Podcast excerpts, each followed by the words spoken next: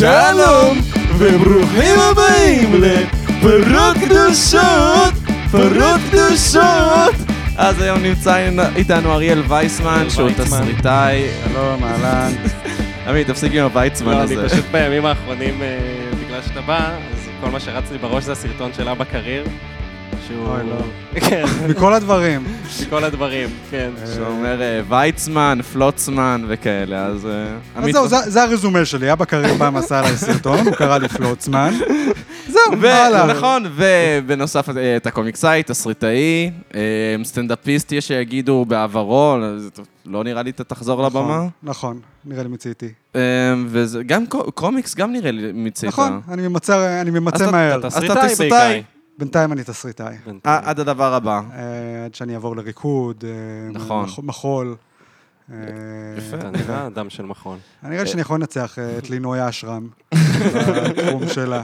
די, נמאס, התימנים השתלטו על התחום. נכון, הם משתלטים, אבל הם השתלטו על כל הכאילו התחרויות הבינלאומיות באופן כללי. זה התחיל באירוויזיון, וכאלה, אתה יודע, בריקוד הים. זה מדהים, אני, אני לא עוקב אחרי אף אחת מהתחרויות האלה.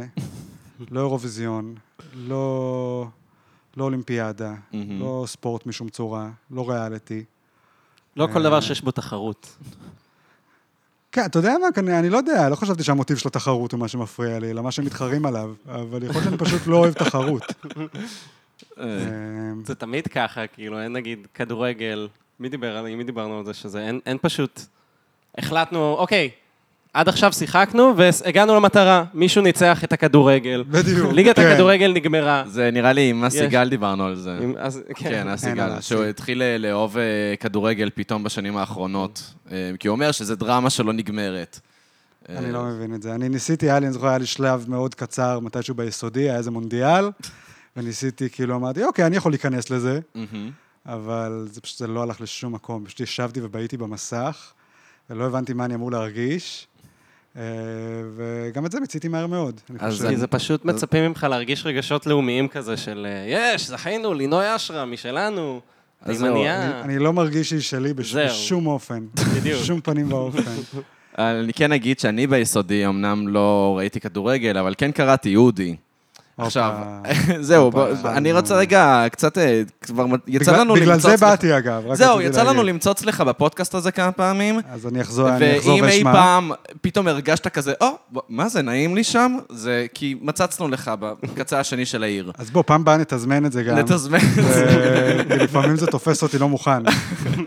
בכל מקרה, אז אה, אני, כשגדלתי כחרדי, עברנו פתאום להתנחלות, ואז היה לנו אינטרנט אה, כמו לאנשים רגילים, ואז אמור הכרתי להיות את דתיים אודי. לאומיים. ואני חשבתי שזה ככה העולם החילוני נראה. כמו אודי. והיה לי גם חבר ששנינו היינו קוראים אודי ביחד, והיינו אומרים לעצמנו, בואנה, אריאל וייסמן הזה בטח מזיין בערימות. קודם כל זה נכון. ש- שיערתם נכון. היינו, עכשיו, אנחנו מדברים על 2007, היית בן כמה, 17, 18 אז? לא, כשעשיתי את אודי בטח כבר הייתי בן 20, או 19, 20. אבל לא, זיינתי בערימות, לא, זה ברור. אבל... אה, לא, קודם כל אני אוהב את זה שאתה מדבר על אודי, כאילו זה מובן מאליו מה זה אודי. כולם מכירים את אודי, נכס הצאן. ברזל, אודי, קומיקס שהתפרסם במשך שלוש שנים בג'ננה, מדור הנוער של ננה. שמאז הספיק אה, להפוך לננה 10, ומאז הספיק אה, להימחק מעל פני האדמה, ואיתו כל הפרקים של אודי, אה, ברוך השם. מה, באמת אין- לזה שום תיעוד? הגיבוי היחיד שיש לזה, יכול להיות שזה צרוב על איזה דיסק שאלוהים יודע איפה הוא נמצא, fuck off. ויש את כל המיילים ששלחתי מהג'ימייל שלי לאורחים שלי לאורך השנים, אז זה עדיין שם. אבל, אבל מדי, פעם, מדי פעם אני נובר שם, לראות אם יש משהו שאני מתגעגע אליו, וזה באמת, הרוב זה השפעה לא נורמלית. זה... באמת, כי אני הייתי משלם עכשיו 200 שקל על- על דיסק און קי עם אודי, כאילו, אתה לא מבין. אתה אומר את זה, אבל אני חושב שאתה תקרא את זה שוב. כאילו, מה שאני מפרסם מדי פעם בפייסבוק, מדי פעם אני מעלה לפייסבוק, זה פרק נכון, שאני שזה אוהב. באמת מאיר לי את היום. אה, כן, אבל זה באמת, אני חושב שהעליתי את הכי טובים, וכל השאר זה באמת לא קריא. זה כאילו, אולי זה נחמד כזה קפסולת זמן כזאת של איזו תקופה. אבל... אה, אבל אה, זה... כן, ככל שעובר הזמן, אני אה, יותר מתחרט על זה שנמחק כל זכר לזה, הגיוני. אבל גם... אבל אני עדיין הייתי שמח אם הערך של זה בוויקיפדיה היה נעלם. לא יודע למה זה צריך ערך בוויקיפדיה, ואם מישהו יודע, אגב, עם מי אני יכול לדבר כדי להעלים ערך בוויקיפדיה, כי זה כאילו, זה מוזר, כשאתה רוצה להכניס ערך בוויקיפדיה, אתה נורא צריך לשכנע אותם שזה חשוב. זה חשוב. ושזה זה, אבל ברגע שזה שם, לא משנה כמה תגיד להם, תקשיבו, זה, זה קומיקס שרץ באינטרנט בתפוצה של, לא יודע, 30 איש לפני 12 שנה. זה סתם תופס לכם מקום, ת, תשחררו. די, אבל, אבל זה פשוט טוב, תקוע שם. אבל זה fucking טוב. ואז היה את צדיק סופית באמת, שגם אה, את זה הייתי מאזין לזה, בכיתה ז'-ח' כזה. אה, הוא ממש בתקווה. עדיין היית חרדי אז? לא, הייתי בישיבה אבל. אה, אבל, אודי, אודי היה מן הצוהר, ש... אפילו כתבתי לך על זה בפייסבוק, נראה לי, באיזה תגובה, שאודי היה, יכול להיות, היה בדיעבד הנקודת פתיחה שלי ללצאת בשאלה. ואמרת נכון. שזה ממש מרגש אותך. זה מרגש, זה גם מטורף. כאילו... כן, כן. באמת, כי מבחינתי זה היה הצצה למה זה להיות בכלל חילוני. הייתי בטוח ש... ורצית להיות חילוני לפי כן, מה שראית שם? כן, ראיתי, מה פיתה אותך בדיוק? לא יודע, השחי, אני לא יודע. האבא, המכה של לודי. אה, סתם, היה אפילו משחקים של לודי ב- בנאנה. היה משחק שאבא של אודי נותן לו, כאילו, בעיטה והוא מעיף אותו למרחק. כן. מה אתה אומר? מה, משחק כאלה. כזה? היה משחק חנייה גם. היה נכון. משחק ספייס אינביידרס לחנוכה, שיעורי בסופגניות, זה היה לקראת הסוף נכון. וואי. אימא'לה, נכון. כן, זה היה כל מיני, לא יודע, העורך בנאנה רצה לקדם את מדור המשחקים שלהם. אז הוא השתמש באודי, הכוכב אה, המסקוט למעשה של ג'ננה. כן, כן, זו הייתה פלטפורמה אה, מאוד טובה בזמנו, אני גם, אה, אני גם זוכר שהרבה מהקהל הגיע, כי אה, היה את המסך פתיחה של ה-ICQ, אתה זוכר? כשהיית פותח. את ה-ICQ, זה היה נפתח איזה מסך כזה, פתיחה נכון. עם כל מיני פרסומות לפורטל ה-whatever. נכון. ושם היו מפרסמים באופן קבוע את אודי כל שישי. אני לא יודע איך זה הגיע לשם, אני לא יודע בדיוק איך זה זה, אבל זה היה מתפרסם ב-ICQ, זה כנראה היה פרסומות של נאנה שם, אה, והרבה קהל הגיע משם. קהל אה, יד נכון. היה לי גם אה, מדור קומיקס במעריב לנוער, שאף אחד לא קרא. אני לא קראתי. אה, כן, זה- אני סורי. הייתי יותר בן אדם של מומו הפרה. מומו הפרה, היה לך מומו משהו? אה, כן, זה אתר כזה של משחקים, כן? כן. זה, אתה מבין, זה אני, אני כל החיים שלי נרדף על ידי התחושה שכאילו, הייתי פופולרי, אבל תמיד היה מישהו מעל. תמיד היה איזה מומו הפרה מעל. שאותו אנשים יזכרו. אבל כמה אנשים מומו הפרה החזירה בשאלה, תגיד לי? אה, יפה מאוד. כנראה, אולי קצת יותר. אבל... אה, אבל כן, אז אני שמח שהחזרתי אותך בשאלה. אה, תודה. זו בהחלט אה, אחת המשימות שהצבתי לעצמי בחיים. אה, גם בחיי האישיים. אתה אה, רואה את. אשתי, נכון, אשתך, אתה כבר במסע... שוח- שוחק אותה. נכון, באמת לאחרונה באמת היא... אתה עושה עבודה טובה. מה זה? שמע, אני מאוד מאוד יסודי. יש לי טיעונים טובים, קראתי את הספר הזה של אה, ריצ'רד דוקינס. מכיר את כל השטיקים של הספגטי המעופפת, אני יודע. הכל, אחי. יואו, היה ב... בואו לאכול כן, איתי. בדיוק ראינו, כן. וואי, באמת שאני שונא אנשים שהם חיים, שהאישיות שלהם זה מימים באינטרנט. זה נורא. זה לא כן, הגיוני זה בעיניי. זה לא הגיוני אבל אני בעיניי. שמח שהם קיימים. למה? מישהו צריך לשים את הסיר פסטה הזה, ולא יודע, לעצבן לא. משהו בפריים טריבל. אז בדיוק, אז היה אותו בבואו לאכול איתי, שהוא נכון. כזה חסיד אה, הספגטי המעופף, וזה היה סופר קרינג'י. אבל אז. ראיתי בקבוצת, אה, אני עוקב אחרי, אני בכל מיני קבוצות פייסבוק של אה, אנשים יותר. צעירים ממני, כדי אה, להרגיש שאני עדיין חלק מהעולם. אה, אז אני... אה, מה, כאדם. וכאלה? כן, כן. כאדם וזה, אז נראה לי זה היה בקרינג' ישראלי. אה, ואז אוקיי. הם פרסמו שם על איזה, יש איזה חייל עכשיו, שהוא כאילו הוציא פטור זקן, כי הוא גם במפלצת הספגטי המעופפת. ואני לא, לא הצלחתי להבין אם זה cringey או שאני מעריך אותו. וזה כאילו זה המלכוד הזה של החשמולטורים, אתה מכיר את הביטוי הזה, כן, כן, החשמולטורים? נכון, נכון. אני לא מבין, כאילו, אני מבין את זה, אני לגמרי מבין למה להיות אתאיסט זה cringey, ולמה עמוד הפייסבוק יהובה ואנטריקוט מפרות כן. קדושות. הקוף הכופר. וריקי ג'רווייס, שזה באמת, נכון, אני זה- כאילו כל כן. כך אהבתי אותו פעם, לא כל כך אהבתי אותו פעם, הערכתי אה, אותו, אבל הוא אתה אוהב הגזים. את הסדרות שלו. אה, כן, כאילו, כן, מאוד אהבתי את ה Extras. אה, אוקיי. לא, למרות שלהגיד אה, זה, על- זה שאתה אוהב משהו, אני לא יודע, כי אתה כותב 50 אלף מילה על דברים בפייסבוק, לא, אני לא יכול להגיד על משהו, אוהב וגם אתה. גם מחרבן על דברים. שאני אוהב, כן. ובאותה נשימה אתה גם רואה את כל החרא של Marvel, ואתה, וגם יורד על BoJack, אז כאילו, אריאל, אתה, את, מה הטעם שלך? הטעם שלך חרא או שהטעם שלך טוב? כי אני מסכים עם מה... זה כיף, אני זה כיף, ממש אבל- אוהב בואוג'ק, הסכמתי עם. כל מילה שכתבת, ואז אני רואה אותך, כאילו, אני עדיין אוהב בואוג'ק, כן? אה, לא מעשנים אצלי וויד בדירה, סורי. באמת? כן, טה, אני- טה, אני טה. מצטער. וואו. אני- אוקיי. אני ממש מצטער. להגיד מראש. וואו, אני לא הוצאתי וויד. אה, לא יודע למה שתגיד משהו כזה באופן כזה אקראי. סתם בכללי, לא אמרנו מראש. אם יש נכון. כזה איסור אקראי, אז אני אשמח לסיגריה. סבבה, באהבה. אפשר? בטח, באהבה. זה בקשה לגיטימית לאורח בטח. בפודקאסט? תודה. בטח, אז בטח. הנה, אז לקחתי, תודה. מותר לעשות הכל, הנה, קח גם מצית שעובדת. בניגוד אגב. אפשר לשאול למה? כאילו, אמרת את זה באופן כל כך אקראי, בלי שום טריגר. אוקיי, אז אה, ככה, בגדול, אני לא מעשן weed, אבל וכבן אדם שלא מעשן weed ומעשן סיגריות, אז אה, תמיד כשאתה נכנס ל, לא יודע, דירה ואתה רואה מאפרות מפוצצות, אה, אתה אומר, טוב, בוא, אני אשלוף לעצמי סיגריה יש לי בסלון. סיגריה. ואז פתאום בא אליך, לא, לא, אצלנו לא מעשנים סיגריות בבית, רק בחוץ. אז כזה, כן, כן, יא בני זונות, כן, המאפרות המפוצצות פה, זה, והסיגריות, זה באמת מה שמפריע. גרביים על הרצפה, אבל זה מה אז- שמפריע. אז אתה נוקם בי? אז אני נוקם בך, אתה אשם. אני נוקם, אני נוקם בהם דרכך, יותר נכון. אוקיי. עכשיו אני מבין לאן נכנסתי, בסדר, אז זה מקום כזה. זה מקום... כן. שמע, זאת כל זאת הסיבה, אבל שזה מה שהוא מספר לאנשים, האמת שהוא חרד פשוט כן, יש מוויד. לי- יש לי, יש לי חרדות חושה, יש לי פוסט-טראומה מוויד. אה, זה בסדר. אוקיי, זה- זה תירוץ לגיטימי. בסדר, תירוץ לגיטימי, בסדר. פחות אישי נגדך. בסדר, אוקיי. אה, אבל בסדר, אהבתי את התירוץ המצחיק. כן, אה, בדרך כלל צריך אה, תירוץ מצחיק לצד תירוץ אמיתי. אה, לא, זה נכון. כי החיים משעממים. אני, אני פשוט הרגשתי עכשיו, כאילו, אני התארחתי לפני כמה שנים עם, אה, אני לא זוכר אם זה היה, אני חושב שזה היה עם אה, ניב מג'ר ואמסטרדמסקי אולי. אוקיי. התארחנו באיזו תוכנית רדיו של גלגלצ, של גל"צ, וזה היה, אני לא יודע אם אתם זוכרים את אה, תקרית הקניידלח של ניב. הוא הייתה לו איזה פליטת פה בתוכנית הזאת. מה? שמע, זה היה כזה אמור להיות, זה היה כזה ליום העצמאות, אני חושב, זה היה אמור להיות כזה מין, לא יודע, תוכנית מצחיקה כזו, אנחנו יושבים עם איזה שתי חיילות שהזמינו אותנו, חושבים עם מצחיק, סטנדאפיסטים וזה. אוקיי. ולאף אחד שם לא היה שיקול דעת.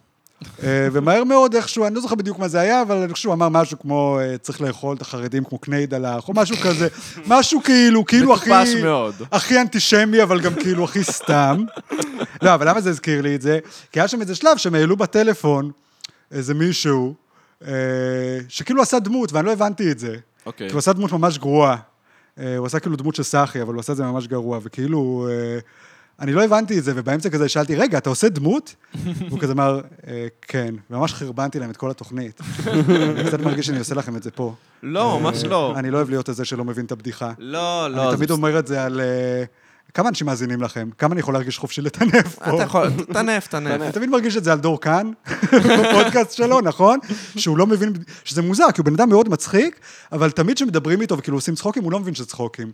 הוא כאילו מביא אנשים מצחיקים לתוך, ורוב הזמן באמת יש שם שיחות על רגשות וזה, אבל מדי פעם הוא מביא איזה טל טירנגל, שלא מעניין אותו לדבר על רגשות, הוא רוצה לעשות צחוקים. והוא פשוט לא מבין שעושים איתו גג. אז... אה, וזה הדבר שהכי מביך אותי בעולם, סליחה, דור. וואי, וואי.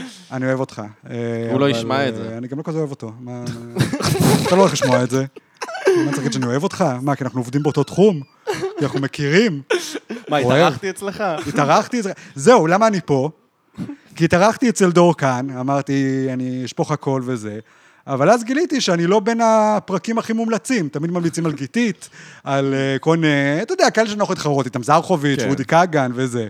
אז אמרתי, אני אבוא לפה. ואז ימליצו? עליי. מה? ואז אני בטוח יהיה הפרק הכי טוב בפודקאסט. במי אני יפה. מתחרה? באסי גל? כל הכבוד לאסי, שהוא באמת, היה לו שאני אוהב את אסי. אני אוהב אותו מכל הלב, באמת, דיברתי איתו איזה ארבע פעמים בחיים שלי. אה, האמת היא שזה, אני התחלתי להקשיב לדור כהן בגלל הפרק שלך. זהו, ואז הוא השמיע לי את הפרק. כן, בגלל שאמרתי, תקשיב, אריאל וייסמן נמצא בפודקאסט, אתה חייב לשמוע את זה. השאלה אם הפסקת לשמוע אחרי הפרק הבא. לא, לא, זה המדד ממש לא. לא, מאז הפכתי למאזין, כן, אבל... אבל אה, האזנו, האזנו. לא, אבל... אה. כן, לא. היה זה מעניין? מצחיק גם ש... היה פרק טוב? היה פרק טוב, היה פרק. ממש מצחיק. כרטיס ביקור שלי הפודקאסט הזה עכשיו. אני לא עושה. שום דבר אחר, אז... אה, למה? כן, לא- אתה... במה אתה לא... במה אתה עובד כרגע? אה, על עצמי בעיקר, שאני כותב סדרות. אה, כן, זה ה... נמאס לי לכתוב ל- למי שלא יודע. ואז מפרסם תסריטים באינטרנט. כן, ואז כשזה לא... לא, התסריטים שאני מפרסם, אני... אה, אוקיי. אני כאילו פתאום רואה את התסריט, ואני קורא, ואני כזה, רגע, אבל זה בלי הפאני וויסס. איך רגע, אני יכול לדעת? אתם קוראים את זה אבל? קראתם הכל? לא קראתי לא הכל. אני צריך את הפאני וויסס. מה אתה רוצה? אני- בואנה, אריאלי, המזדיין, אני- עוקב אחריך מאז שאתה בן 20. אתה... יא בן של זונה, בלעדיי היית עדיין תקוע עכשיו בישיבה, מוצץ לי איזה רב. אני האלוהים החדש שלך, חביבי, אתה תקרא את התנ"ך שלי, אני כותב כל יום תנ"ך אז חדש. תסריטים אני לא קורא, אריאל. תסריטים אני לא קורא. כן, אני, אני יודע שזו ציפייה מוגזמת לצפות מאנשים לשבת לקרוא אה, עשרות תסריטים הראל מעלה. ויצמן הזה תופס תחת. כן, כן, באתי עם, אה, עם אטיטוד. לא, אבל זה לא, כיף. זה כיף, זה כיף. שבאים עם אטיטיוד. אני אני באמת... נכון שאתה עצוב, ואז אנשים באים לנחם אותך, ואז הם כאילו מנסים להכיל את הרגשות שלך, זה מעפן, כאילו סיוט. תצחקו על הבעיות שלי. סיוט. בבקשה, כן, תצחקו נכון. עליי. שמע, אח- אחת הבעיות שלי בחיים, שבאמת קשה לי לנהל אינטראקציה עם אנשים, שאני לא מרגיש שזה באיזושהי רמת צחוקים. נכון. כאילו, בואו, כאילו, אתם יודעים מי אני, כן. הכל ידוע על הכל, לא צריך להגיד דברים שמובנים מאליהם, בואו בואו ננסה להגיד דברים שהם מצחיקים, שמעניינים, שהם זה, אין לי כוח ל small talk, לדברים כאלה. בגלל זה אני גם לא שומע פודקאסטים. אלא אם כן אני מתארח בהם, גם אותם אני לא שומע. speaking אוף דברים מצחיקים, כן. אני- אז נראה לך שקראת לבן שלך רפאל רק כי זה השם היחיד בצווי הנינג'ה שאיתו הוא לא יקבל מכות בבית ספר? שמע, אני אגיד לך את האמת, אנחנו באמת... גם איתו הוא יקבל מכות. לא, הוא גם איתו הוא יקבל מכות, הוא יקבל מכות בכל מקרה. אה, אבל אני- אנחנו כן אוהבים את המצלול. שמע, אני, הפחד הגדול שלי היה, אני דווקא לא רציתי להטריל עם השם.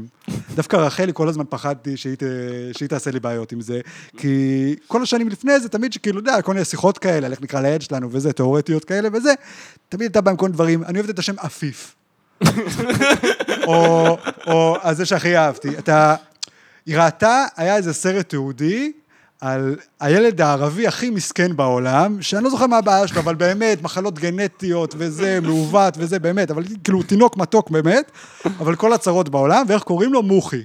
כי זה קיצור של מוחמד. אה, אני- זה הוזכר אפילו פה, זה כל הזמן בפייסבוק, זה... אה, כן, זה שם? משווקים לך אותו כמוחי, גם בעברית, כי הם לא רוצים לשווק את זה כן. כמוחמד, אז הם הופכים את זה למוחי. כן, שזה גם קצת כאילו מעוך כזה, אז הוא מעוכי, מוחי, זה כאילו עובד יש באיזושהי תמונה שרואים רמה. את הסבא שלו, שהוא כזה עם כיפה גדולה של זקן, והוא בדיוק על הקו תפר בין מוסלמי ליהודי, כדי שבמבט כן, כן. הראשון תגיד, אה, הוא דתי, סבא שלו. סרט מאוד מרגש, אגב. רגע, יש עליו ממש סרט, כאילו? כן, כן, זה סרט אמיתי. יש, שם איזה סצנה, הוא בבית, איזה בית חולים בטיפול השבט, ותמיד יש שם איזה סיפור על איך איזה הורה ילווה אותו, ותמיד איזה סבא שלו רק יכול ללוות אותו, אישורים וזה. אז פעם אחת הוא בבית חולים, ואם אני זוכר נכון, גם הצל שם עם אמא שלו, אוקיי, במקרה נראה לי. אוקיי. או שאולי זה היה בכתבה על הצל, ובמקרה מוחי היה שם, אני לא זוכר. היה, היה... היה מפגש פסגה בבית חולים, מוחי להצל. ואתה רואה את אימא של הצל, כאילו מתרגשת מהסיפור של מוחי, והיא באה והיא מדברת עם המשפחה וזה, והצל כזה יושב בצד כזה, לא רוצה. אני לא רוצה להיות אנושי לערבי. והיא כזה, נו, אבל הוא נורא חמוד, תראה אותו, זה מוחי. זה לא איזה מחבל, זה לא חנין זועבי, זה מוחי. כולם אוהבים את מוחי. והוא כזה, לא רוצה, אני הצל. בקיצור, אז רחלי נורא רצתה, על איזה שלב שהיא רצתה לקרוא לו מוחי. מוחי. תמיד שמות ערבים, גם עפיף, זה שם ערבי. השמות הערבים הכי חמודים, אין מה לעשות. אה, אז אני כל הזמן נורא פחדתי, ואז כאילו, רפאל, הרגשתי שזה פשרה של שנינו. אה, כי אני רציתי שם נורמלי, דווקא הייתי- הייתי מעדיף שם בלי אל בסוף. הגיוני. גם כי זה כאילו מצחיק, אריאל ורפאל, מה אנחנו, מה זה פה סיטקום? וגם, כאילו, כן, לא אוהב את זה, אבל... אה, אבל זה הפשרה בסדר, וזה שזה כמובן שם של צבי הנינג'ה, זה כמובן כן. כן. בונוס. תראה, לא התכוונתי למתג את עצמי בחיים בתור... אה, איש הצבי הנינג'ה. מנהל מועדון המעריצים של צבי הנינג'ה בישראל. התחביבים שלי פשוט חזקים ממני, אה, ואני לא מספיק מייצר תוכן בתחומים אחרים כדי לאזן את זה. אה, אז פשוט יצא שבשנים האחרונות אני פשוט איש צבי הנינג'ה נהייתי, אבל בסדר.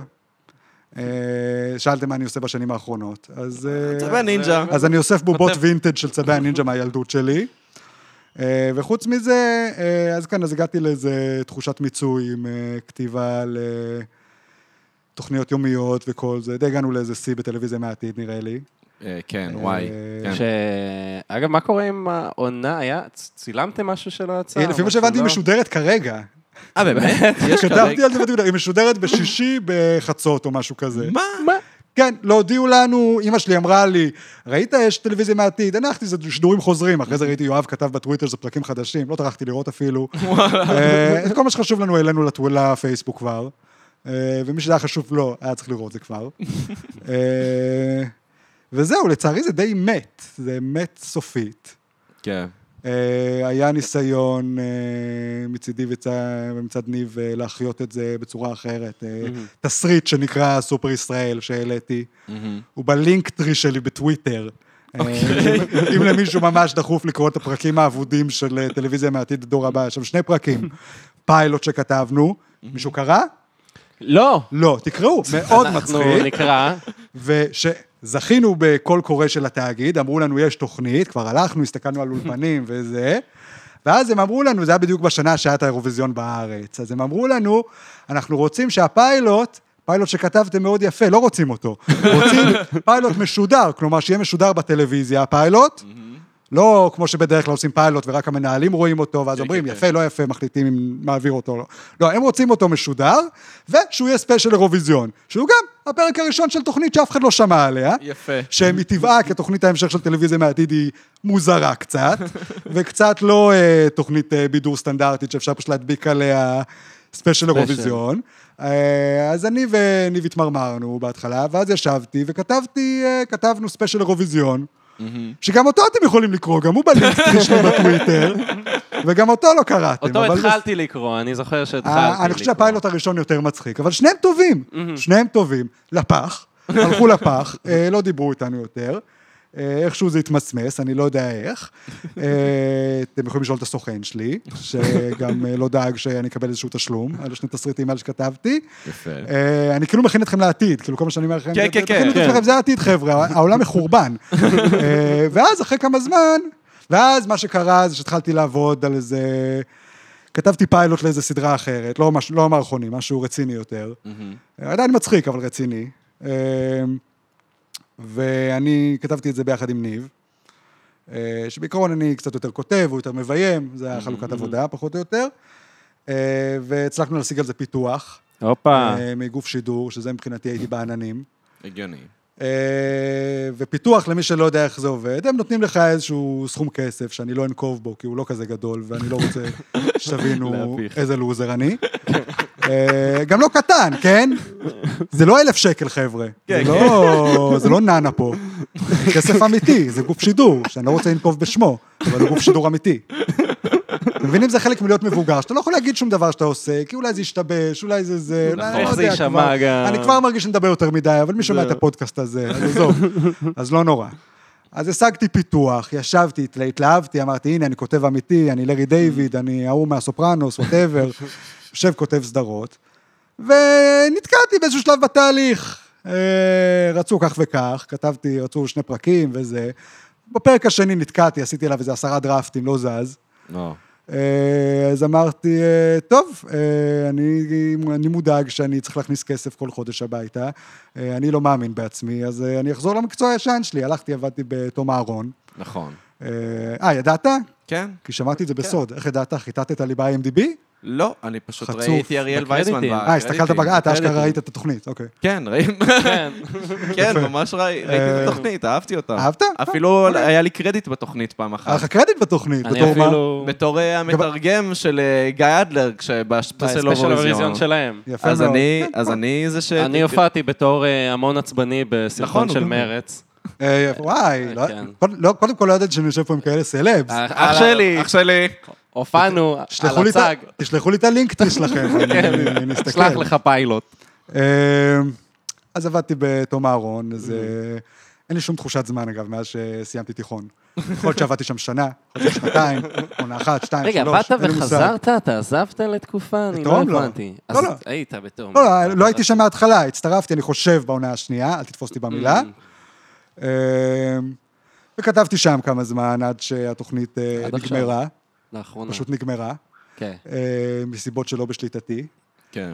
אה, ואז אמרתי, טוב, אז אני אחזור אה, לפיתוח של הסדרה שזנחתי. אה, ושם זה היה קצת אה, שייקי, כי פתאום אה, הם לא היו בטוחים אם הם רוצים וזה, אבל הצלחתי לקנות אותם חזרה. איזה מלך. הצלחתי עם הכישרון המדהים שלי, הבאתי עוד איזה שכתוב ככה, הם קראו את זה שוב, נזכרו מה הם הפסידו, וזה, אמרו, נתנו לי עוד צ'אנס, אבל לא עוד כסף, אה, כמובן, אז אני עדיין על איזה, על המשכורת שקיבלתי לפני אה, שנתיים, שלוש, מי זוכר, אין לי שום תחושת זמן. במקביל, אני כותב עוד איזה סדרה שגם מגלים בה הרבה עניין, אה, נראה מה יוליד יום, אבל עד שתראו משהו מזה, יעברו איזה לפחות שנה-שנתיים. שנה, שנתיים שבהם אתה תלך לבית חולים. לגבי 20 פעם האוזן- לפחות. 20 פעם לגבי האוזן והקרון. מקווה שעם האוזן סיימתי. אה, הקרון בינתיים שקט, אבל לך תדע מה- כן. מה יוליד יום. הקרוהן הזה, זה כמו, אתה מכיר את הילד ההולנדי שדוחף חור, אה, אצבע בחור. אחד, אז נפתח חור אחר, הוא סוגר אותו, נפתח חור פה, אז ככה זה הקרוהן, אתה דוחף לתחת אצבע, פתאום באוזן יש משהו, אתה סוגר את זה שם, לך תדע, היה לי איזו תקופה שהיה לי משהו בעין, אני לא אתחיל לפרט. יש לי כל הזמן בעיות, כל הזמן יש אקשן, יש לי גם ילד, זה גם המון המון זמן רגע, זה זה באמת אבל. קקי רע? אני מדמיין קרוהן כפשוט? קקי רע. כל לא- החיים. אני לא מכיר קקי טוב. לא פגשתי קקי אחד שאמר, יואו, זה קקי שהייתי רוצה להתיידד איתו, לשבת איתו לקפה. מיסטר הנקי. בדיוק. והשאלה אה, השנייה זה כן. האם זה נקרא קרון, כי זאת מחלה קרונית. לא, זה גם נכתב לגמרי אחרת. זה- זה- אוקיי. זה על זה שם... ג'ון קרון. זה על- על שם... זה פשוט על שם מישהו שקוראים לו קרון. אין לי אני תשובה מצ- מניח. אין לי תשובה כן. מצחיקה לזה. אוקיי, אוקיי. אין לי תשובה אתה מצחיקה בשלוף לכל תביא חומר, דבר. תביא בדיחות. אה, קודם כל, אני לא חושב שהמחלה הקרונית שלי היא נושא לבדיחות. אה, אני יכול לצחוק על זה, אבל אתם... אה, זה כאילו, יש-. כאילו, זה N-word, רק אנשים עם קרון יכולים כן. לצחוק על קרון. אה, לא, להפך, אני... כל פעם שאני רואה בדיחה על קרון איפשהו, ראיתי איזה סדרה בנטפליקס, היה שם בדיחה על קרון, מאוד שמחתי. זה כמו שאתה רואה בבדיחה על ישראל, וגם אם אין לך כן, כן, כן. רגשות לאומיים, אתה כזה... אה, נכון. זה- לא, זה איפה שאני לא- גר. זה לא גאווה, אני, אני אוהב שמחרבנים עליי. זה- בגלל זה גם יש על ישראל, גם על קרון, העיקר שמבקרים אותי באיזושהי צורה, שמשפילים אותי. אתה אפס. אה, כן, בדיוק. אה, אה, בגלל זה אהבתי כל כך את המערכון בטלוויזיה מהעתיד, שלדעתי... ויצמן נראה כמו גוש של כי... עכשיו, אני משער, מי אתה חושב שכתב את המערכון הזה? אני מניח עכשיו שאתה. זהו, עכשיו אני לא. מניח שלא אה, אתה. אוקיי, לא, בגלל עכשיו- שאמרת. שאוהב זהו. דברים שמחבר- לא, שמחרבנים עליך, אה, נראה לי שרבינוביץ' מן הסתם. לא, אה, האמת שגיתית כתבה את זה. גיתית, מצחיק. אה, ואנחנו אפילו לא כאלה חברים קרובים, היא פשוט באה עם התסריט הזה יום אחד, ואני אמור לקבל אותו. כן, אוקיי, בוא נעשה את המערכון הזה. אבל אחי, אני זרמתי, אני כל כך זרמתי. כן. באמת, או-הו. ציוץ לא שמעו ממני. וואי, וגם הבדיחה בסוף, אה, יש גם- יש גם גרסה של תקווה תקווה 6. שש. זה אלתור שלי, חברים. זה גג מדהים. עזוב, אם כבר אלתורים, אז אתה גם אה, משתתף בסרטון, לדעתי, הכי מצחיק במאה ה-21 בישראל. יום עיון שזה יום מסוכן. עיון מסוכן. אה, יופי, פחדתי שתגיד מסיבת כבדים שלא... לא, לא, יום עיון מסוכן. יום אוקיי. עיון מסוכן זה בעיניי, אני רואה אותו לפחות פעם בחודש. תודה. אני, זה כן, מצחיק כן, אותי זה- עד היום, ואני, וזה עם כל כך הרבה ניואנסים, יש שם כל כך הרבה בדיחות קטנות. ואז זה מאוד דיברתי- מאולתר גם, זהו, זה דיברתי לא? על זה זה עם... מאוד אה, מאולתר, כן. עם אמסטרדמסקי, והוא אמר לי שזה באמת, הם פשוט הגעתם לצילומים, וכל אחד עשה זה, ואז כזה, אבל אני מבקשת משהו, אפשר להתהלך בשבילים של צל, או... אני עצמאי, לא, יום אחד לא נזקקתי לעזרה, יש שם גם עוד אחד הציטוטים האהובים שלי, זה כזה... אה, אני נפגעתי במלחמה, מה, אבל אבל לא מפלג- לא מלחמה בעזה, מלחמה בכבישים. שזה מצחיק, זה הרג אותי מצחוק. כן, וזה הכל... אה, ואני מדבר מניסיון, גם ההגשה הזאת של מניסיון, זה... אוף, סורי. שאני, לא, סורי לא, שאני אני- מוצץ לך, אני פשוט, זה כל כך... אני אוהב שמוצצים לי, בשביל זה באתי. זה כל כך מצחיק אותי, זה כל כך מצחיק אותי. לא, אני גם חושב, אגב, שזה מערכון מעולה. אני מאוד ביקורתי כלפי הרבה מאוד דברים שאני עושה, כמו שאתה רואה. אה, אבל זה מערכון שאני באמת אוהב. וגם, שוב, מסיבת כבדים הוא גם מערכון מעולה בעיניי, ואני לא כן. מרגיש שתרמתי לו כלום. אה, אני גם מניח שכל מי שרואה את כן, המערכון... לא, לא היה לך... שם לב לזה, שחוץ מהדירה שלי לא תרמתי שם הרבה. ואת השפן. ואת השפן. כן, שנתתי לו טראומה קלה. אה, אבל לא, אבל יום עיון מסוכן, כן, זה באמת אה, מאולתר, והבאתי את כל כולי עם הדמות הזאת, ש- ואני באמת מצטער על ש... כיסא גלגלים, כאילו כולם הכיסא אלתרים עם פאות, ואתה, אני אלתר עם כיסא כן, גלגלים. הכיסא גלגלים לא מאולתר, אותו היינו צריכים להביא מראש, אבל אה, לא בני- לא בנינו אותו מזרדים שם. אבל אה, כן, לא יודע, זה... אני לא זוכר מאיפה בא הרעיון. של כיסא הסתכסכת עם. קהילת הנכים או משהו כזה? היה איזה לא, משהו? לאף אחד מהם לא היה אכפת, אני חושב שבשביל כן, מה את זה. לא, כן. לא, הם לא מגיעים למסך של המחשב כנראה. הם גם לא ישמעו את הפודקאסט הזה, אז אה, זה גם בסדר. אה, למרות שזה היה מצחיק אם היית מסתכסך עם אה, קהילת כן. הנכים. לאחרונה, אה, אליסון ברי, לא לאחרונה כבר, אבל אליסון ברי קיבלה אה, היט בדיעבד על זה שהיא דובבה את דיין בבוג'ק. כן. כן, את העניין הזה. וזה כאילו, כי היא דמות אסיאתית וזה, ואז היא התנצלה על זה עוד, היא התנצלה בדיעבד, היא אמרה, הייתי לא בסדר שדואבתי את דיין, וכזה, בץ', כאילו, תשמע, הפטיש שלי, כל פעם שיש דבר כזה, אתה יודע, שהיה גם עם המדובבים ב- בביג מאוף וכל החרא הזה, אז אני נכנס לטוויטר ואני מחפש, אתה יודע, שחורים אמריקאים או אסיאתים אמריקאים שאומרים, לא, זה לא מה שרצינו, לא אכפת לנו בכלל. עכשיו, אני לא יודע אם זה באמת הדעה שמייצגת את כולם, אבל לדעתי מספיק שמישהו אחד אומר את זה, זה ולידי. כן, אני כאילו, הדעה שלי, שכאילו, זה גם שאני תמיד אומר לגבי פמיניסטיות וזה, כולכן צריכות להסכים לזה. אם אתן לא מסכימות על זה, אז, אז אתן לא, יכול, לא יכולות להגיד לי לעשות את זה רק כי כאילו, או, אתה לא מבין את הגבר, אתה, אתה לא מבין את החוויה הנשית, אתה לא יודע איך זה ללכת בלילה ולפחד מכל רעש וזה, אבל אם אני שואל את רחלי והיא אומרת לי, "אה, אני הולכת בלילה והכל בסדר, אז אני אומר, אוקיי, אז אולי יש לך בעיה, אולי את משפחתנית. עכשיו, זה נשמע כאילו אני עושה פה איזה דמות של מישהו מיזוגן, אבל באיזשהו מקום אני באמת מאמין בזה. וזה הקו הדק שהקומדיה שלי תמיד מהלכת עליו. האם אני מאמין בדברים האלה, שאני אומר את זה רק בשביל הפרובוקציה? ואתה יודע מה? חצי מהזמן אני בעצמי לא יודע. זה מצחיק, אני גם אה. מרגיש ככה שאני הרבה פעמים אומר דברים כדי לומר אותם, כי מישהו צריך לומר את הדבר המחורבן הזה, בדיוק, זה העיקרון של זה- בוא נגיד הכל, צריך... זהו. ואחרי זה נזרוק את מה שלא נכון. זהו, בדיוק, ואז לפעמים אני אומר לעצמי, אבל איפשהו, אני קצת מאמין לבדיחה חושב של עצמי. הרי זה לא סתם עלה לי לראש, כי אני קצת מאמין לזה, אבל מצד שני אני כזה, לא, אני לא מאמין לזה, אני לא בן אדם נורא. זה כאילו, אז אני לא יודע. שמע, זה, זה תהליך שאתה עובר כשאתה מתבגר, ואני אני עכשיו כאילו באיזה פאזה שלי, שאני אומר, הנה, אני מבוגר עכשיו, אז אני כאילו, המטרה שלי זה כי אתה בן מיליון כן. למעשה. אני, אני לא בן מיליון, אני בן 34, אוקיי? אוקיי. אבל התחתנתי צעיר, ויש לי ילד, אז טכנית אני בן מיליון, כן. נכון. אה, ועם המערכת עיכול שלי, וכל מצבי. הרפואי, באותה מידה הייתי יכול להיות... השיבה. בן- והשיער הלבן שלי, באותה מידה הייתי יכול להיות בן מיליון, כן. אה, אז מה שרציתי להגיד זה, שכמובן, אתה- כשאתה גדל, אתה מבין שהכל בולשיט, ואתה, אבל כל פעם שאתה מבין את זה, תמיד יש עוד שכבה של הכל בולשיט. זהו. נכון. שאתה לא חשבת ש... כי ברור, אתה מגיל 16 יודע שהכל בולשיט, כן? זה לא חדש. בייחוד אתה כחוזר בשאלה, כבר הבנת בגיל מאוד מוקדם שהכל בולשיט, אבל אתה אף פעם לא קולט עד כמה הכל בולשיט. זה תמיד, נכון, תמיד יש עוד רמה של בולשיט. נגיד, אני מאוד מאוד מאוכזב מהדור שלי, ואני יודע שהבעיה בי, שאני תקוע מנטלית בגיל 16. אבל כאילו, כשאני הייתי בן, לא יודע, 14, 15, 16, whatever, אני אשכרה הרגשתי שאנחנו כאילו הדור שהבנו את זה. הבנו את הזיוף של המבוגרים, והבנו את הזה, ואנחנו נעשה דברים אחרת, ואנחנו לא נהיה קונפורמיסטים וסאחים וכל החרא הזה. ואז אתה גודל, ואתה רואה אנשים הופכים לזה, לא בכוונה, באופן הכי טבעי שיש, כולל גם אני, כן? כאילו, כן. obviously אני נשוי עם ילד, כן? אני לא יכול להגיד שאני לא. אבל... ואתה גם מבין למה אנשים עושים את זה, ואיך זה קורה, ואיך זה גם קורה לך, מהמם. ואתה גם מבין איך גם כל ההתנגדות לזה היא חרא. זה לא שאתה מבין שלהיות קונפורמיסט זה בסדר ולהתנגד זה חרא. לא, אתה מבין ששני הדברים הם חרא. כן. כן, זה פשוט הכל חרא. כן. הכל חרא. כאילו, אתה גדל ואתה אומר, אה, אוקיי, אני השמאלני רדיקלי. כן, אני לא אהיה כמו הימנים המקובעים האלה, אני לא אהיה דתי, אני אהיה אתאיסט, אני אהיה מגניב. ואז אתה גדל ואתה אומר, לא, גם כל האנשים האלה הם חורבנים. נכון. זה גם הכל חרא, זה גם הכל צביעות ושקרים, ואנשים שסתם דואגים לעצמם. וזה, הנה, אתה יודע, הייתי בגב האומה. סליחה, במקום עבודה כלשהו. ושבו כולם, אתה יודע, אני פשוט, אני פשוט אה, נותן פה את המיטב מה שעשיתי בפודקאסט של דור. אוי אה, ואבוי, נו. אוי ואבוי. אה, כי זה כל מה שמעניין אותי לדבר עליו. אבל אתה יודע, כולם שם, אתה יודע, שמאלנים, יפי נפש, עם כל האג'נדות שלהם, זאתי מזרחית, זה זה, כל אחד עם הקשקושים שלו, עושים לי ריג של כל מיני שטויות. בסוף, ברגע האמת, כשצריך לשים את הכסף שלך איפה שהפה שלך, או איך שלא הולך הביטוי, אף אחד לא עושה את זה, רק אני. עכשיו, בדיעבד, גם אני יכול להגיד, יצאתי מטומטם, לא הייתי צריך לעשות את זה. אבל לפחות עשיתי את זה. אוקיי.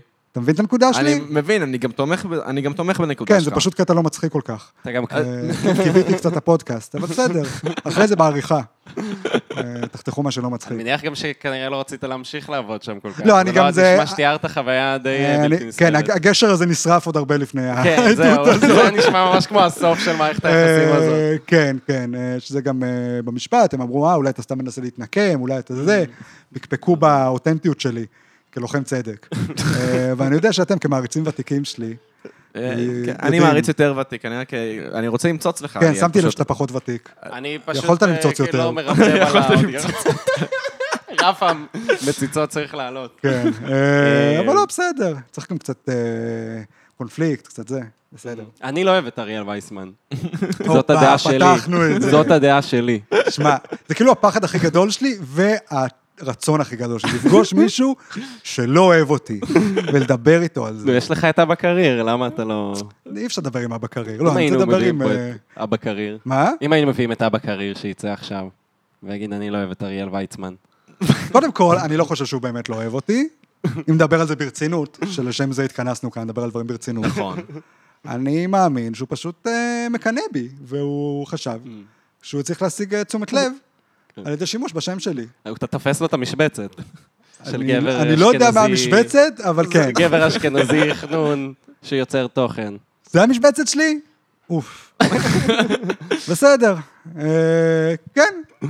אה, אף פעם לא התחברתי כל כך לאבא קרייר. אה, אני גם לא, אפילו הייתי איתו באיזה קבוצה סודית בפייסבוק, ובאמת אה. שכל מה שידעתי לעשות זה כל פעם שהוא היה כותב משהו, הוא היה מתבכיין, והייתי פשוט יורד עליו, כי, כי על מה עוד אתה, מה עוד אתה יכול לעשות? הוא מסוג האנשים שאני מסתכל עליהם, ואני זה גם- אומר, אה, זה מראה אפלה שלי. כאילו, זה מה- זה מה שהייתי יכול להיות בטיימליין כן, האמת נורא. היא שזה גם, זה נכון. זה נכון. חריגה הכי קלה, ואתה שם. ממש, האמת שאני גם מרגיש את זה, אבל, אה, זה, אבל גם אני חייב לומר להגנתי שזה היה אופי הקבוצה. אופי הקבוצה היה לרדת אחד על השני כל הזמן. זה היה כאילו מין קבוצה שאתה כותב למה אתה בדיכאון, ואז כולם צוחקים על הדיכאון שלך. נשמע נורא. אה, לא, להפך, זה נשמע. כמו שאתה רוצה, לא? שמע, זה, אה, מה שהוציא אותי. מדיכאון, אז שהייתי בן 18-19, זה ממש לא, כאילו יכול עזר להיות. שבגיל הזה זה היה מתאים לי. אני אה, כן. בגיל שאני כבר לא יודע מה אני רוצה. אני מתבגר. בזמנו זה היה ממש טוב. אבל. היום, בגיל 25, אה, יש סיבה לזה שאני כבר לא שם.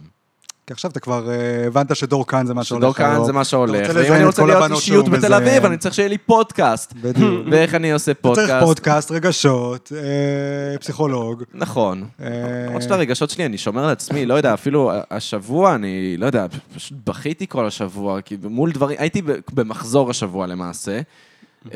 כל דבר קטן פשוט גרם לי לבכות כזה, אתה יודע, מין... אז ראיתי סדרה בנטפליקס, כי פשוט לא, לא יכולתי לסבול את המחשבה של לראות בני אדם. אה, ראיתי סדרה שנקראת Sense8, שזה הוושובסקיז עשו. סדרה, שמע, סדרה שעלילתית, יש בה הרבה מאוד פגמים, הרבה מאוד פגמים, אבל היא כל כך אנושית, כי זה על חיבור בין אנשים, שזה מין hive mind של שמונה אנשים, ו- וזה ממש מרגש. כל נפש. נכון, אני אהבתי. שמע, נשמע דוחה. אני- בכיתי, אני לא בכיתי יודע- לא זה מה מעט. שהוציא אותך מה... אה, שמע, אנחנו מדברים פה היום, לא? גם, אה, לא, גם אתמול רקדנו, אז היה לנו כיף. נכון. האמת היא רקדנו. שעכשיו אני לא שותה, כי אתמול אני... נראים חברים כן. ממש טובים. אנחנו אכן חברים ממש טובים. מאיזה טובים. גיל אתם חברים? מגיל אה, 15. 14. 14. 14. אתה לא אנחנו דתל"ש. בגיל 14. לא. אתה אבל סתם חילוני. אני סתם חילוני שגדל באלפי מנשה. אבל כאילו, אתם התנחלות אתם lite. מכירים מהמציאות, כאילו. מהמציאות שבה הוא עבר לבית ספר וליישוב, זהו, שאני כי- גרתי Mm. בו. כי כשעזבתי את הישיבה, אז עברתי ל- לחטיבה שבו הוא למד, ו... אז אתם חברים מגיל 15, עכשיו אתם בני 25. זה נכון. מתי עברתם לתל אביב? אני עברתי לפני שלוש שנים. אוקיי. ואני הייתי בצבא, סתם, לא, לא לפני שלוש שנים, אבל אה, עברתי לפני שנה כזה. יפה, והחברות שלכם שורדת יפה, את הכל? אין מתחים. בינתיים? היה הפסקה. היה הפסקה, למה? היה הפסקה. אמ, כי, כי אני הייתי בדיכאון, וחברים שלי לא ידעו להכיל את זה. ואז אה, אני התגייסתי בגיל לצבא, 18. ואז המצב הנפשי שלי ירד, שלא עלה, ואז איכשהו... נפגשנו באמצע. נפגשנו באמצע. זה מאוד חשוב האיזון הזה, כן. כן. נכון. אה, לא, אני אני מקנא. אתה, יש לך בצדק, אין לך יש לך במה. ברומנס? אין לך- חברות כזאת אני, טובה. אה, לצערי לא. אה, חברויות שלי מאוד מוגבלות בזמן. לא, בשנים האחרונות יש לי אה, אה, חברים די קרובים שנדבקתי אליהם, אבל... אה, אבל אין את החבר הזה מהילדות, Mm. וזה, אתה יודע, היו לי חברים, לא שלא היו לי חברים, היו לי חברים בתיכון, ואז אחרי התיכון כבר לא, שמעתי איתם על כן. קשר, ואז למדתי בבצלאל שנה, ושם היו לי חברים, ואז ניתקתי איתם את מהמם. הקשר, ואז למדתי בספיר שנה, ובכל מקום שעבדתי, וזה. עכשיו יש לי קצת את החברים מהסטנדאפ, ובגלל שאני בתל אביב ואני באותו מקום, ואני לא זה, אז יש לי קצת אה, אבל אני לא רואה אותך חברים. בחוץ. לא, אני, קודם כל אני לא אוהב להסתובב. אני- לא, לא מעבר ללהסתובב. כאילו, אני לא רואה אותך נגיד בערבי סטנדאפ וכאלה. כן. לא, הייתה לי תקופה, אבל, אבל גם אז לא הייתי מאלה ש... וואי, אני הולך לכל ערב, כי אני מת לפגוש את האנשים האלה, ואני אוהב לעלות כל ערב, ו... לא, אני... אה, אני לא אגיד שאני לא אוהב בני אדם, כי בדיוק דיברתי על זה עם רחלי לא מזה, אתמול דיברתי איתה על זה. שאנחנו שנינו סוציופטים, אבל מסוגים שונים, אוקיי. שכאילו, אני, ברור לי שהדחייה שלי מאנשים נובעת מדווקא איזשהו רצון. לקשר עם אנשים, שהוא מעורבב עם איזשהו פחד נורא גדול מהתגובה שלהם, מזה שלא ילך, מזה שיהיה קרינג'י, מזה שיהיה ככה, מזה שהם ישנאו אותי, לא יודע מה. אה, ואצל רחלי, לעומת זאת, אנשים פשוט לא מעניינים אותה בשיט. כאילו, יש לנו, נגיד, מפגשים חברתיים כאלה, שתמיד החברים, כאילו, כי היא לא כל כך בקשר עם חברות שלה. אה, אז תמיד אני מזמין חברים שלי, וכאילו, היא שמחה, היא כאילו יושבת איתנו, והיא שמחה שכאילו, הנה, אני במפגש חברתי, ואז היא כל הערב בטלפון, לא מחליפה מילה והולכת לישון מתישהו. אה, אז היא כאילו באמת לא מעניין אותה אנשים. אני, כאילו, כל כך חשוב לי להרשים, שכבר, זה יוצר איזה מתח בלתי נסבל, שאני לא יכול עם אנשים כבר. ואני גם תמיד מתאכזב מהם, כי תמיד יש לי ציפיות, ותמיד זה, כאילו, לא יודע מה. אז אני לא יכול להגיד שאני שונא אנשים, אבל... אה, לא מאמין שלא כיבית את הטלפון. אני באמת כיביתי את זה, ואני לא יודע איך זה פועל. פודקאסט הכי. חובבני בעולם. משום מה לך שעון מעורר. תזדיין. לא פלא שלא שמעתי אותו עד עכשיו. היי, אם כבר אה. אכזבה מאנשים, אז אה, ממש אה, מעצבן אותי שיש מסביבי מלא מתנגדי חיסונים. ו- וכל המתנגדי חיסונים האלה, שיש לי אותם גם במשפחה, מעגל ראשון, אחיות שלי, לצורך העניין, ממש גורמים לי לרצות להתחסן עוד יותר. כאילו, אני לא, אין, אני לא יודע אם יהיה חיסון שלישי לגיל שלנו, אבל אני ממש רוצה להתחסן עוד יותר. אבל אז אני נכנס ל-ynet כל בוקר, ואני רואה שם, יש לך שם כתבות קורעות לב שהן תעמולה מאוד מאוד זולה לכן להתחסן, זה כזה... הרופאים קורסים שוב בבתי חולים. כן. מה, איך אפשר לעזור לכם? לכו להתחסן. אם רק אנשים יתחסנו, זה יעזור לנו נורא, ויגרום לנו לוח- אה, ללכת למשפחות שלנו, שלא ראינו עכשיו שבועיים. קודם כל זה. מעצבן אותי שאני לא ציני כמוך כבר. שאני קורא את הפוסטים האלה על הרופאים, ואני רק מתמלא באיזה חדווה בומרית כזאת של... אה, כן, הנה משהו בדעה שלי. יש. זהו, תקשיבו לזה. באמת. אבל הנה, גם, לי אגב, לא, לא מזמן היה ויכוח עם חבר מאוד קרוב, אה, באמת אולי אחד הקרובים, שהתגלה כ... כלא... הוא לא מגדיר את עצמו כאנטי-ואקסר הם אף פעם לא רשמי. מגדירים את עצמם. כאנטי-ואקסר. לא, הוא אומר שהוא מאמין בחיסונים ושהוא זה והוא זה, אבל הוא כאילו נורא גם אה, אה, היפוכונדר ונורא דואג וזה, וזה איכשהו גרם לו לא להתחסן. כאילו, הוא לא, הוא, לא, הוא לא לא מתחסן, אלא כאילו דוחה את זה עד, ה, עד הרגע שבו הוא יהיה חייב כן. להתחסן ולא תהיה לו ברירה. אה, שזה כמובן יהיה על ערש דווי, אה, כשזה כבר יהיה מאוחר מדי. אה, וזה באמת, זה היה מהסיטואציות האלה. שכאילו אמרתי, וואי, ככה זה מרגיש להיות מבוגר. סוף סוף קונפליקט אמיתי. כי כאילו היית זורק אותי, היית...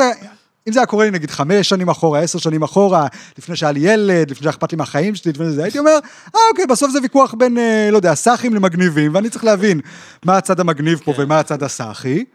אה, וזהו, ואני פשוט צריך to stick with it. אבל לא, עכשיו אשכרה יש stakes, יש לי ילד, יש לי מערכת אה, חיסונית מוחלשת שאני צריך לדאוג לה, יש לי את ההורים שלי שאני פוגש כל שבוע, כי הם עושים בייביסיטר לילד.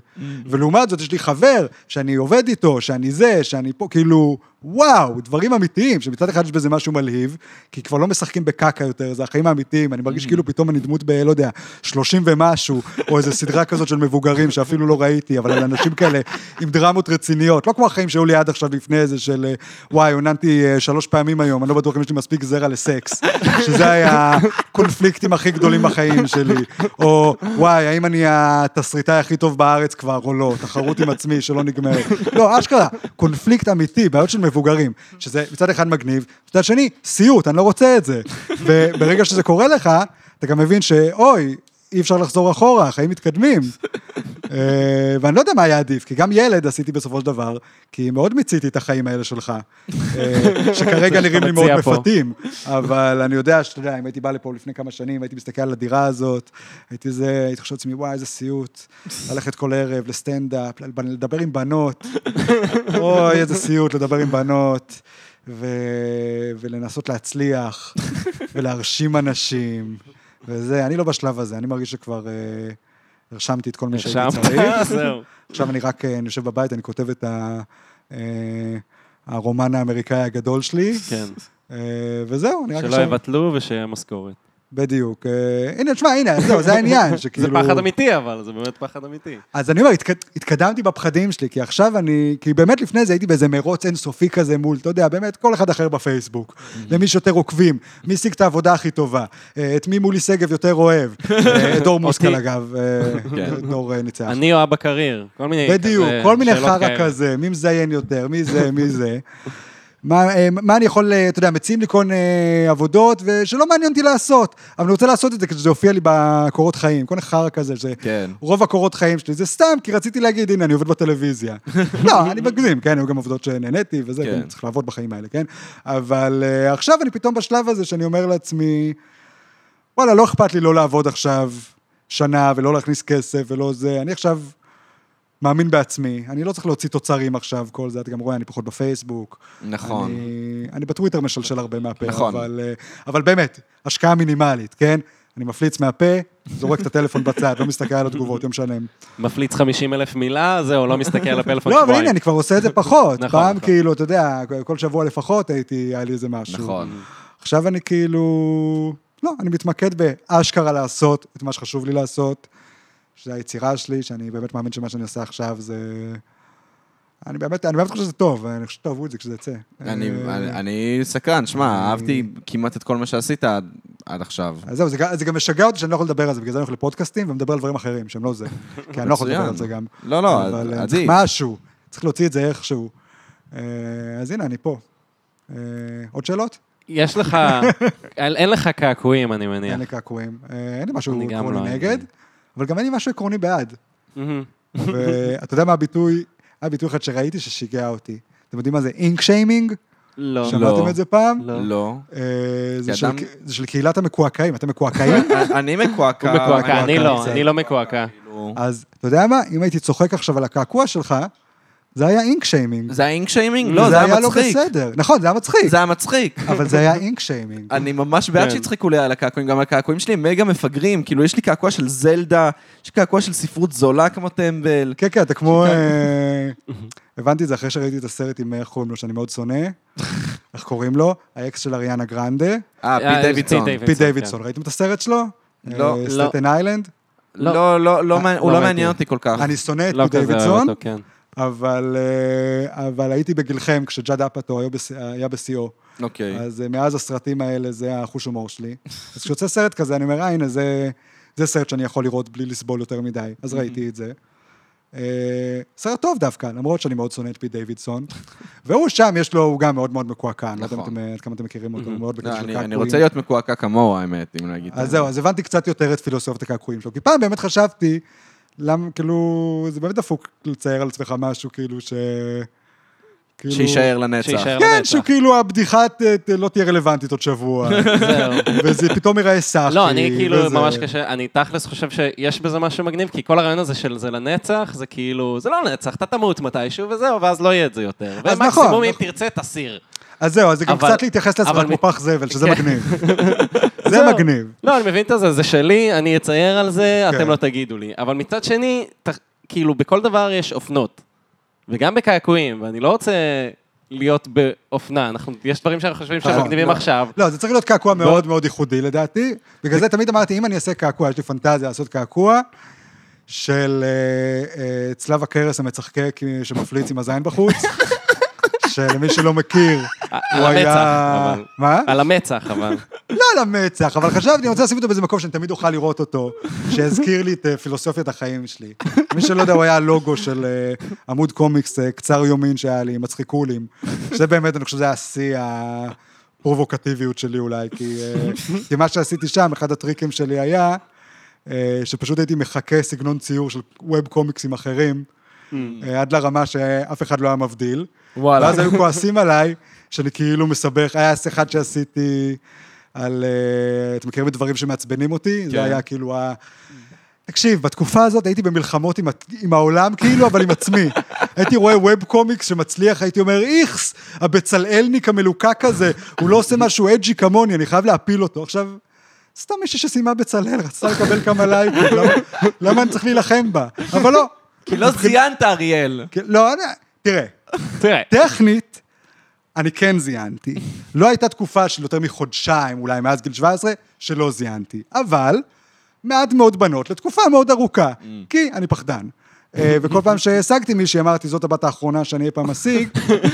אני אאחז בה... אני צריך להישאר בשבע שנים, להישאר איתה שבע שנים עד שכל המרמור והטינה יתפוצצו, ורק אז אני יכול לשחרר. אז זה מה שקרה לי עם הבת זוג הראשונה שלי. אה, אבל לא עם רחלי, את רחלי אני באמת אוהב, יש. אה, למקרה שטעיתם. לא, השאר. סתם אמרתי. כן, עכשיו זה- בדיחה, אני בדחן, אני אומר סתם דברים. אולי לא, אחת האקסיות שלך מאזינה לנו, אריאל? לא, אז אני אגיד, קודם כל, אקסיט, יש לי אקסיט אחת, אה, אוקיי, סבבה. שקשה לי להאמין שהיא אי פעם תרצה להאזין למשהו שאני חלק ממנו, וזו לא הייתה פרידה מאוד יפה.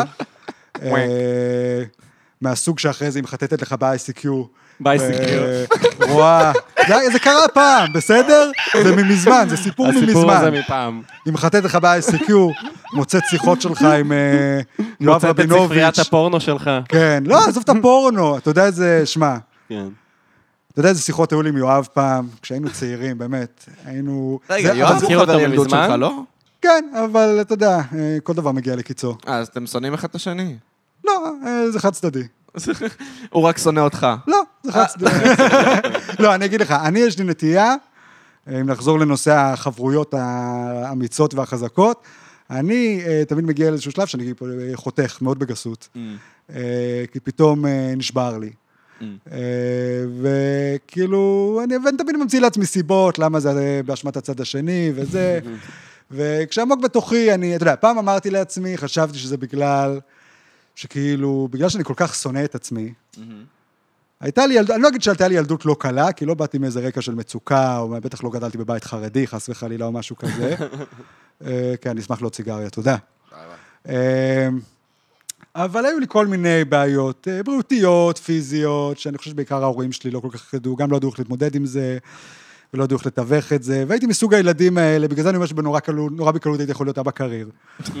הייתי על איזה תפר כזה שבין ילד רגיל, לבין ילד כזה, ש- שאולי לכולם ירצח ברור... מישהו. מה? שאולי ירצח. לא, דווקא לא ירצח, דווקא אני חושב כאילו, אני לא יודע אם בדור שלכם כבר היה את זה. ילד בכיתה, שברור לך שיש לו איזושהי בעיה, שהוא לא ילד רגיל. לא יודע אם הוא על הספקטרום או על הזה, אתה כאילו צוחק. אבל אני אומר את זה ברצינות, היה לך ילדים כאלה בקטן, לא יודע. בוודאי, כן, בוודאי. כן, במערכת כולנו- החינוך החרדית בטוח יש כאלה הרבה. כן. א', כן, בגלל שרק הממש דפוקים שמים אותם בכיתות. נפרדות. אה, כן. אבל אתה יודע, יש את האלה שהם כאילו ממש על הגבול, אתה יודע שכאילו... הוא איתנו, הוא לומד עם הילדים הרגילים וזה, אבל ברור לך שהוא לא בנוי לעולם האמיתי, כן. הוא לא יסתדר והוא טרף קל, והוא לא הוא לא רואה את העולם אני- חושב על... יש כן, אנחנו יש חושבים כמה על ש- שמות, וזה יש לא לי כבר נעים. כמה כן, שמות. לא כן, נעים. נכון, זה לא נעים. גם בצבא אתה עוד יותר מרגיש את זה, שזה כאילו... כל מיני מפגרי צבא, שאתה אומר, איך עברתם איזשהו מבחן ושמו לכם נשק ביד? נכון, ואתה רואה אותם גם בדיוק במסגרות הכי קשות. הכי קשוחות וזה. אז אני, ואני לא יודע אם בצדק או לא, אבל הייתה לי איזו תחושה כזאת תמיד, שאני על הגבול בין להיות ילד כזה לבין להיות ילד רגיל, שאני גם כל הזמן צריך אה, לשכנע. עכשיו אני אתחיל לצטט, אה, יש לי קטע סטנדאפ, אני לא יודע עד כמה אתם מעריצים של אריאל וייסמן נו הסטנדאפיסט. יאללה, גם. דבר. אני ראיתי את כל הקטע אה, סטנדאפ שלך, אבל... אז אני לא יודע אם אתה זוכר, זה היה בהופעה הראשונה שלי, כי זה מה שהיה לי מאוד חשוב לספר. אוקיי. ש... בקיצור, הייתה לי נטייה לתפוס את הבן אדם שהוא לא על הגבול, אלא באמת המפגר של הכיתה, וליצור איתו יחסי אה, חבר-אויב כאלה. שכאילו הוא חבר שלי, אבל הוא, אה, הוא השק חבטות שלי. מול האנשים האחרים שאני באמת רוצה להרשים. אה, ו- ושוב, ב- בילדות אגב נראה לי זה די סטנדרטי, אני חושב שכל הילדים עושים את זה ברמה כזו או אחרת. כן, ברור, ברור. אה, אבל אני אולי הייתי קצת יותר אכזרי עם זה, וקצת יותר אה, ממוקד עם זה, ופעם אבא שלי, שהוא פסיכולוג, הוא נורא הפריע לו הדברים האלה, הוא בן אדם סופר רגיש, ההפך המוחלט ממני, הכי רגיש, הכי הולסם, הכי זה, והוא אמר לי, תקשיב, אריאל, מה שאתה עושה, אתה לוקח את הילדים האלה, ואתה כאילו, אתה מנסה להוריד אותם, כדי להרים את עצמך, בפני אחרים, ואתה לא זה צריך... מקורי שלו? הוא חשב על זה לבד? הוא... אה, אני- אני חושב שכן. פסיכולוג, הוא אמר שהוא פסיכולוג. הוא פסיכולוג, הוא למד, הוא יפה, למד הוא את. אני זה. גם, שוב, בדיעבד זה לא הניתוח הכי. מבריא, כן? אבל זה גם היה נכון. אוקיי. אה, ו- והוא אמר לי, ואתה לא צריך לעשות את זה, כי אתה ילד מקסים, וילדים ירצו להיות אה, חברים שלך בזכות עצמך וזה, ו... עכשיו, אני הקשבתי רק לחלק הראשון, כי כאילו, מחמאה מאבא שלך זה כלום. ברור שאבא שלי חושב שאני ילד מקסים. אבל כל מה שקיבלתי מזה זה את המודעות העצמית ללמה אני עושה את מה שאני עושה. עכשיו, האם זה גרם לי להפסיק לעשות את מה שאני עושה? לא. המשכתי לעשות את זה כל החיים שלי, אה, עד של- גיל מאוד מאוחר יחסית. אה, אני חושב שהפסקתי עם זה מתישהו כשהתחלתי לעבוד. אבל אה, גם בתיכון וזה, כל מסגרת שהייתי בה, עשיתי את זה באיזושהי צורה. בטח בפייסבוק. כן. ו, ו, ובמקביל, תמיד הייתי גם מנסה להתחבר עם אנשים שאני הרגשתי שהם מעל הליגה שלי באיזשהו אופן, וככה אני כאילו מראה לעולם, אני גם הנה, בן אדם תראו. רגיל. הנה, תראו, אני לא הדפוק שחשבתם כן. שאני, אני לא על הגבול, הנה, אני מסתובב עם המגניבים. אבל זה גם יוצר מצב בלתי נסבל, שאני תמיד המפגר של החבורה. אני תמיד, בתוך החבורה הזאת, זה שעל הגבול של להיות הכי גרוע. ששוב, אני לא יודע עד כמה זה היה נכון במציאות. בתוך הראש שלי זה היה ככה. ואז הרגשת בדידות, כאילו? אה, עברת אבחון? זאת שאלה שאני... איזה אבחון? אבחון של אם- מה? אבחון של... אה, האם יש לו. בעיות? בוא נבדוק אם יש לו בעיות. לא, לא יבחנו לי כלום. אני גם לא חושב שיש לי באמת בעיה. הבעיה היחידה שיש לי זה אולי הפרעות קשב וריכוז וכאלה, אבל גם, לא משהו שאני לא יכול להתגבר עליו כן. בכוחות עצמי. אה, מה, אתה חושב שאני אוטיסט? אתה מדבר את זה, אתה? כל ה... לא, אני לא חושב שאני על. הספקטרום. אה, אני חושב שמה כן. שקרה זה שאני גדלתי באיזו תחושה שאני לא אוטיסט אפילו, כי בטח לא ידעתי אז מה זה. ידעתי שאני איזה גיבון מנוטרדם, או לא יודע מה, היו לי כל מיני בעיות. אני מרגיש ממש מרושע, אתה כזה, כל הילדים, הם חשבו ש- שאני אוטיסט, ואני כזה, אולי באמת? בדקת את זה? לא, אני גם לא חושב שחשבו שאני אוטיסט, הייתי... זה דברים פיזיים, הייתי מרייר, הייתי- הייתה לי בעיה שנקראה היפוטוניה. Mm. שזה בעיה ב... אני אפילו לא יודע מה זה באמת. גם ידעתי, גיליתי מה השם של זה רק לפני כמה שנים. נות- הבנתי מה, מה היה לי בעצם. זו בעיה שקשורה ב- למתח בשרירים וכל מיני דברים כאלה. בגלל זה נגיד האצבעות שלי, אתם לא רואים, הצופים לא אוי שומעים, ואבוי, אבל... ואבוי. אני מאוד- זה המצב הטבעי אגב, האצבעות אה, שלי מאוד... רגע. מה? אני לא עושה שום מאמץ עכשיו. זה המצב הטבעי של האצבע שלי. כל האצבעות שלי ככה. האצבעות. שלו כאילו בצורת S. כן. פשוט בצורת. S. אני אעלה תמונה לפייסבוק שאני אשתף כאילו, את כמו שעושים הפודקאסט. את הזה שכאילו, לא יודע. כן, מה שאנשים עושים במיוחד כדי להגעיל, זה כן. המצב הטבעי שלי. אוי ואבוי, אריאל. אה, עשיתי עם הסיגרה שהייתה לי ביד. היא פה, היא... הזעזוע האמיתי והעמוק שלך. כן. אה, וזה לא היה ביחידה שלי, אני גם אה, כפוף קצת, היה לי קשקשים גם כילד ועד היום וזה, והייתי מטרה מאוד מאוד קלה, וילדים, כמו שאתם יודעים, הם מאוד אכזריים. זה נכון. ואני חושב שגם ההורים שלי לא כל כך... לא כל כך הבינו מה עבר עליי, לא כל כך הבינו איך לתווך לי את הבעיות שלי, לא כל כך הבינו איך לתווך אותי לילדים אחרים, אז כל הזמן הייתי באיזה לימבו כזה. גם, אה, שמע, בשנה האחרונה בכלל היה לי הרבה ברייק פרו פסיכולוגיים, גם התחלתי טיפול, גם אה, הייתה לי שיחה מאוד משמעותית עם ההורים שלי, שהנרטיב שלהם הוא, של אבא שלי לפחות, הפסיכולוג. ש- הם שניהם פסיכולוגים, אה, שניהם פסיכולוגים. שזה חלק מהבעיה. קשוח, כן, לא כאלה טובים. לפי מה שאתה אומר. לא כאלה טובים כנראה. איך זה תמיד אה, ככה? כן. האמת שכן, יש לנו חבר גם, ששני ההורים שלו פסיכולוגים, וגם... אה, כן, כן, זה לא, לא מתכון טוב. אז, אז הם, הסיפור של אבא שלי לפחות, מה שהוא אומר זה שהיו להם גישות מאוד מאוד שונות לגבי איך לגדל ילדים, והוא גילה את זה כאילו רק אחרי שהם התחילו לעשות ילדים. ושאבא שלי כאילו חשב שצריך לאתגר ילדים, שצריך קצת... אה, אה, לאתגר אותם, כן, להציב להם קשיים, כאילו, לגרום להם להתפתח. ואימא שלי חשבה שהתפקיד של הורים זה לתת לילדים כל מה שהם רוצים, תמיד להיות שם בשבילם, לנחש אפילו מה שהם רוצים לפני שהם מבקשים, להיות כאילו הכי מפנקים והכי זה, כי העולם הוא מספיק קשה גם ככה. ואני גדלתי כל הזמן בין הניגוד של זה, ואימא שלי כאילו הייתה הקול הדומיננטי בבית. אני מאמין שאם אבא שלי היה הקול הדומיננטי בבית, אז זה היה בסדר. כי אתה חי באיזו תחושה שאתה, יש אתגרים בחיים ואתה צריך לעמוד באיזה סטנדרט, אבל גם יש לך איזה קול בצד שאומר זה בסדר, זה בסדר גם להתנחם, זה בסדר גם אה, מדי פעם להתפנק, זה בסדר זה. זה לדעתי טקטיקה טובה לחיים. המצב ההפוך הוא לא טוב, כי יש לך אימא שכל הזמן אומרת לך, לא, לא, לא, אל תאתגר את עצמך, אתה חולה, אתה לא יודע מה, הכל בסדר, תשב, תראה טלוויזיה, אל... אה, אה, אתה לא אוהב לאכול ירקות, אתה לא אוהב זה, אל, אל תנסה כלום. תעשה רק מה שנוח לך, ובצד יש לך איזה קול שכל הזמן מכרסם לך ואומר לך, לא, לא, לא, כל מה שנוח לך זה לא טוב. אתה גרוע, אתה, אתה צריך, אה, אתה צריך להילחם בזה, אתה צריך להילחם בעצמך כל הזמן. ואז אתה כל הזמן גדל עם איזו תחושה שמצד אחד, המצב הטבעי שלך זה להתבטא, להיות מפונק, לא לאתגר את עצמך וזה, ומצד שני אתה כל הזמן מרגיש רע לגבי זה. אה, אז זה בגדול הבעיות שלי. אה, איך אז הגענו יש לך? בעיות מאוד דומות לשלנו, אני חייב זהו, לומר. זה כן? נשמע בעיה מאוד אה, להתבטל אנושית. ואז להרגיש רע לגבי זה? כן, וואו, וואו. אה, כן, בסוף כולם מגיעים לאותם מקומות, כל אחד בדרך שלו. שמע, זה- זה- זה החיים שלי כאילו. כן, כן, זה מאוד, אה, זה מאוד- זה זה בעיה. מאוד קשה. הפודקאסט הזה זה הדבר היחיד שהטמעתי בו, כאילו, בצורה אבסולוטית. אה, לי זה וויד, אני הטמעתי בוויד. כן, אה, שזה בטח לא עוזר לבעיות האלה. אה, אה, ובאמת לא כדאי לך. להיכנס לזה, טוב שאתה חרד מזה. הוויד- הוויד זה בדיוק החוויה גם שתיארת, זה קול כזה שאומר לך, הכל בסדר, תשב וזה, ומשהו שמכרסם ואומר, לא, אתה צריך כן, כן. לעשות דברים. ואני מעשן מאוד. כבד. זהו, אתה גם מתפקד. מבחינת עבודה וכאלה כשאתה מעשן וויד. אה, תראה. בגלל שזאת לא עבודה כזאת סטנדרטית, אז אני מצליח לעבוד על עצמי ועל אחרים שאני... לא, אני מצליח לתפקד. אני כן. הגעתי לשלב שאתה יודע שאני... יצרת.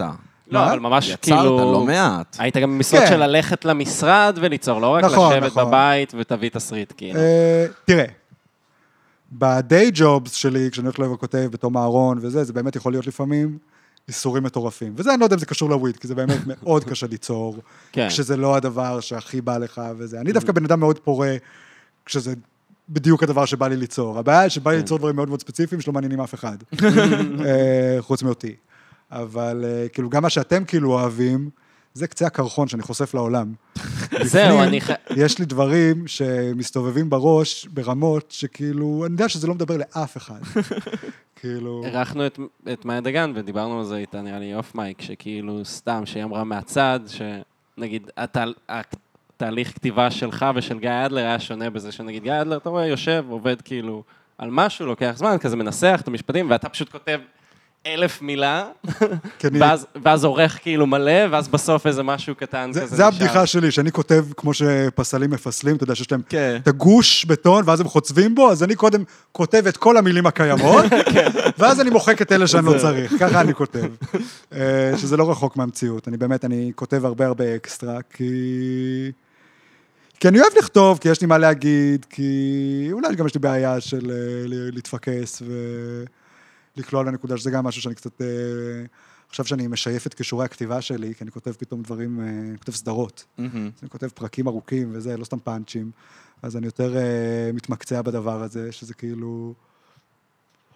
זה מצחיק, אני כאילו מאוד מאוד משויף בדברים מסוימים, כי אני גם באמת מרגיש שגם העבודה בתוכניות שכתבתי לאורך השנים, גם אם חלק מהתוכניות לא הערכתי או לא נהניתי, או זה לא בדיוק הדבר שרציתי לכתוב, זה כן מאוד מאוד שייף את יכולות הכתיבה שלי, שזה גם, שוב, זה גם משהו שקורה לך כשאתה גדל, אתה מאוד מאוד ציני לגבי זה, נגיד, אתה יודע, כשהתחלתי לכתוב, ותמיד היה כל מיני מנטרות כאלה של, אה, אתה יודע, של הכותבים המבוגרים יותר, אתה יודע, שכל משפט צריך להיות בו פאנץ', ואף רפליקה לא יכולה להיות יותר מארבע שורות של תסריט, או משהו כזה, שאני תמיד הרגשתי, אה, מסרסים אותי, וזה, אבל לא, אבל תגיד, אתה אומר, לא, לא, ככה צריך לכתוב, זה נכון, זה... כן. ועכשיו אני אומר את זה לאחרים. אז באמת, אז, אז כמו שאמרתי, לגדול זה פשוט כל הזמן חרא על הפרצוף שלך, להבין, גם כל מה שהאמנת בו חרא, גם כל האופציות האחרות הן חרא, אה, אבל אתה איכשהו, לא יודע, אתה מוצא את ה... זה גם מזקק לך מה באמת אתה רוצה לעשות בסוף. כן, בדוק. אה, מה אני רוצה... אני נגיד, אין לי תשובה למה אני רוצה להיות כשאני אהיה גדול. ואני כבר בן 25, וזה מתחיל להיות בעייתי. עמית, מה אתה כן. רוצה להיות שתהיה גדול? ש... נשאלתי את זה לא מזמן, וממש התחלתי לגמגם. אני גם לא. כבר לא מרגיש בנוח לבטא שום רצון לחלום או לאיזושהי השתפרות. אני לא רוצה לאכזב את כולם, אז אני פשוט, אני אהיה מלצר, עכשיו, אני אשאר מלצר, אני אשרת אנשים. תשמע, זה נורא מוזר, אני אף פעם לא הייתי בשלב הזה. אני אף פעם לא הייתי בשלב הזה, אני תמיד ידעתי מה אני רוצה לעשות. Mm, אה, אבל אני גם חושב שהרבה מזה זה היה כי אה, לא הרגשתי שאני צריך לעשות שום דבר אחר. אז כן, נתפסתי לדבר האחד שהצלחתי לעשות. גם הרגשת שאתה יכול לעשות אותו, כאילו. כן, לא, אבל אני גם בן אדם באמת מאוד, אתה יודע, נגיד לא הוצאתי רישיון אף פעם, Mm, כי באיזשהו מקום אני לא חושב שאני אצליח לעשות את זה. כי שוב, זה חוזר לזה שאני מרגיש שאני באמת, באיזשהו מקום אני איזה בן אדם מוגבל. עכשיו, אני מניח שאם באמת הייתי רוצה, הייתי מסוגל כן. לנהוג. האנשים המפגרים ביותר בעולם נוהגים. אבל, אה, באיזשהו מקום אני גם מרגיש שלא, אני לא מסוגל לעשות זה גם, אה, ושוב, גם אף פעם לא עבדתי באף עבודה רגילה. העבודה הכי- קרוב שהגעתי לזה היה בתיכון, שעבדתי איזה חודש, חברים שלי התחילו לעבוד באיזה טלמרקטינג, ואמרתי, וואלה, גם אני רוצה. ו... והלכתי ועבדתי שם חודש, והייתי מזעזע. זה היה טלמרקטינג של תומאשין, אתה יודע מה זה תומאשין? לא. הם אה, כזה של הכנה לפסיכומטרי, אוקיי. אוקיי. שבמקרה, אה, הנצר של המשפחה, למדתי בכיתה וגר אה, ממש אה, מעבר לרחוב, הוא כאילו היה העשיר של השכבה. רגע, איפה גדלת? משפחת תומאשין הגדולה, בראשון. בראשון, אוקיי. אז עבדתי שם בטלמרקטינג, והדבר היחיד שאני זוכר משם, חוץ מזה שהייתי מאוד גרוע, כי כי לא היה נעים לי למכור לאנשים חרא. כי זה להתקשר לא לאנשים. זרים. כן. וזה, ואני זוכר שהיה שם כאילו, אתה עובד עם איזה מאגר של מספרים באיזה תוכנה מצ'וקמקת, ומדי פעם אתה מתקשר למישהו ואתה מגלה שהבן אדם מת. ואז יש כפתור בתוכנה עם ציור של מלאך. ואתה מסמן אותו? כמלאך. מה? זה הרג אותי. זה כאילו הדבר הכי כאילו דיסטופי שראיתי בחיים שלי. זה מצחיק אבל. כאילו... אבל זה מצחיק. פעם לא. זה מטורף. פעם עבדתי אצל מרץ, והם נתנו לנו להתקשר לכל הפנסיונרים שהם חברי מפלגה, כאילו ממש נתנו לנו איזו רשימה מיוחדת של כזה, לא יודע, לקחו מאיזה מפגש פנסיונרים או משהו כזה, ופשוט כאילו איזה 20 אחוז מתים, כאילו, ואתה כל פעם כזה... שמע, אני פעם אחת... שמעון, שמעון כבר לא חי, שבע שנים. אני פעם אחת עבדתי בקמפיין של אה, מפלגה, אני לא אגיד מי, אבל אה, מפלגת שמאל גדולה כלשהי, אוקיי. שאני גם לא אגיד מי, כי אני, אני אפילו לא זוכר אם זה היה התנועה, אם זה היה זה, אם זה היה ציפי לבני, אם זה היה זה, אני כבר לא זוכר, כי זה כבר כל כך הרבה בחירות וזה, אבל זה היה באחד מהמערכות בחירות, לא, לא נגיד השלוש האחרונות. כן. אה, ואני לא יודע עד כמה מאזינים מודעים לזה, אבל אני בסצנה שלי, תמיד כשיש בחירות זה כאילו יום חג. כל התסריטאים הולכים לעבוד, לא בהכרח בקמפיינים, גם יש תמיד איזה V15, כל מיני חרא כזה, כן. שצריכים איזה סרטון ויראלי שיעודד הצבעה, כן. כל מיני שטויות כאלה.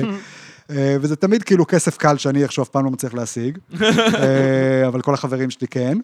אה, אז פעם אחת הלכתי, הצלחתי, הלכתי לעבוד בקמפיין. אני תמיד גם, אתה יודע, חצוי לגבי הדברים האלה, כי אני לא רוצה לעבוד בדברים האלה, אבל אני גם מקנא בכל מי שעובד בדברים האלה, כי אני אומר, מה, אני גם רוצה את הכסף.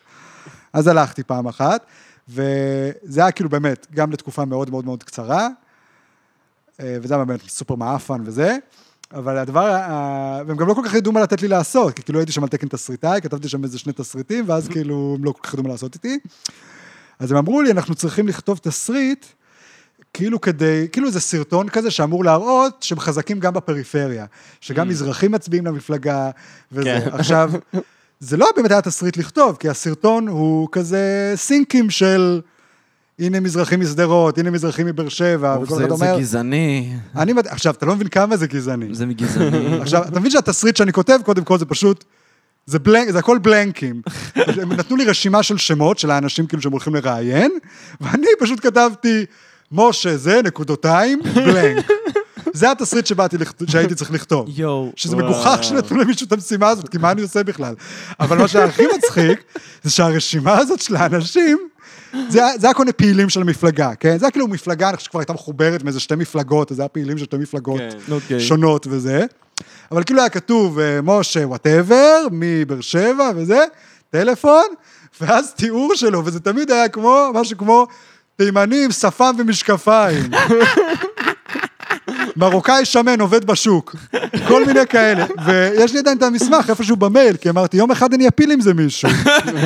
ציפי לבני. כן, כן, זהו, יום אחד הקריירה זה- הפוליטית שלה תיגמר. זהו. יום אחד יהיה שווה, אה, מישהו שקשור לסרטון הזה יהיה שווה משהו, ואני אוכל להפיל אותו, אבל היום הזה, אני לא חושב שהוא אי פעם מגיע.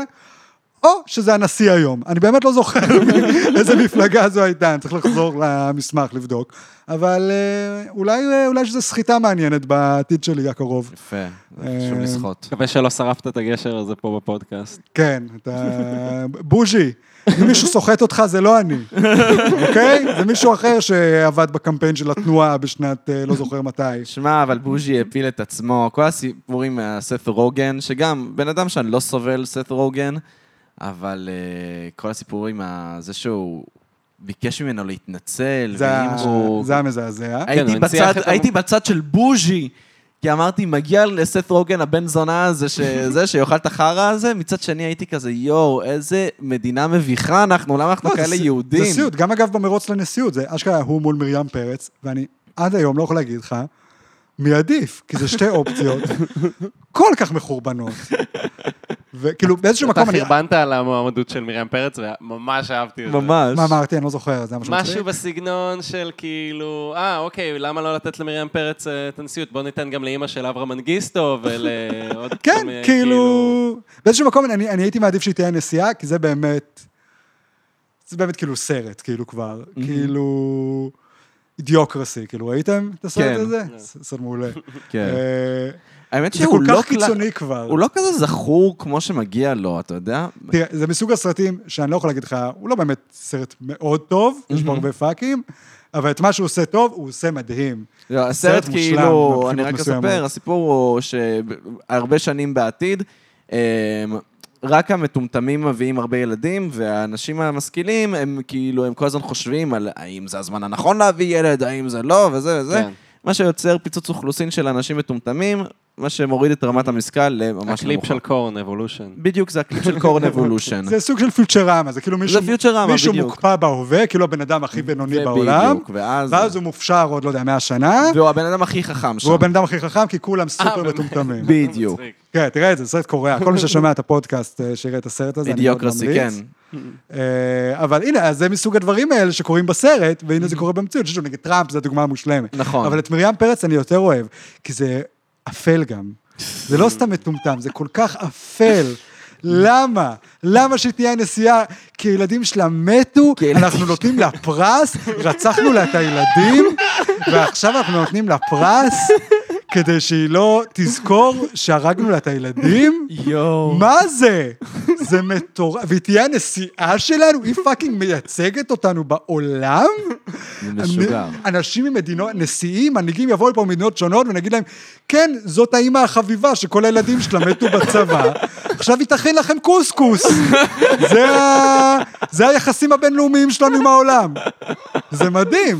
במקום זה יש לך את בוז'י, שלהגיד לך שהוא יותר טוב? הייתי מעדיף קוסקוס אצל מרים. כן, כי פה לפחות יש לך איזה, קטע. משהו, כן, יש איזה לך קטע, אף אחד יש לא ישכח. את זה. בוז'י הוא כן. סתם מישהו. נראה לי בוז'י הוא בדיוק מה שמצפים שנשיא כאילו של ישראל. נגיד שדיפלומטים באים, הם בדיוק רואים את ה... נכון? הוא פשוט קצת פחות, זה מה שמעצבן אותי. קצת פחות מה. הייתי רוצה שהוא יהיה. הכי אפור, הכי סתם, אבל... הוא די אפור ודי סתם. לא, הוא דמות מצוירת, שהוא מדבר עם הקול הזה, והוא גם, זה עם הסט רוגן באמת, והנתניהו מאוחדת, וכל הזה, כל כך הרבה פאשלות, שאין בן אדם אחד... שמע, יש נגיד, כל התחום הזה של פוליטיקה, אני כל השנים האלה, אתה יודע, כתבתי בתוכניות שכל הזמן התעסקו בפוליטיקה וזה, אני לא מבין כלום בפוליטיקה. וואלה. זה לא מעניין אותי בכלל. זה באמת משעמם אותי ברמות, ואתה יודע, נגיד יואב, הוא זה סופר. מרתק אותו, הוא כאילו, זה ה... זה מה שמח- זה מה שמחרמן אותו. כן. כן. אני, תגיד לי, כאילו, עכשיו אני כבר, אתה יודע, אני כבר מכיר את הנפשות הפועלות, כי אני כבר עשר שנים כותב בתוכניות סאטירה, אז אתה לא יכול לא להכיר את מירי רגב וביטן וכל מיני חרא כאלה. כן. אבל אתה יודע, יש כל מיני אנשים, זה תמיד הצחיק אותי, כשהייתי יוצא מאולפני הרצליה, הייתי... כשהייתי בתום אהרון, אז הייתי שם בצילומים, והייתי יוצא מאולפני הרצליה לחכות למונית, והיה שם איזה מאבטח, שתמיד היה מדבר איתי, כאילו הוא היה שומע שאני כותב בתום אהרון, שכתבתי בגב האומה וזה, אז הוא אומר, אה יופי, מישהו שיכול לחפור לו על פוליטיקה. והוא תמיד היה מציג לי את עצמו מחדש, כאילו אני לא מכיר את עצמו, הוא אומר לי, אני, אני איש של בוגי יעלון. ואני כזה, מה? לא, לא אמרתי לו, אבל בראש אני חושב, מילא להיות נאמן לפוליטיקאי. שזה, כאילו, אני מבין שזה המצב היום, כי. כבר, אה, כן, זה פרסונלי. אבל בוגי יעלון, באמת, כאילו, באמת מישהו שסתם הולך לעבודה? אני מעריץ אותו, הוא הולך לעבודה כל יום, וחוזר הביתה בסוף היום. מה אתה מה?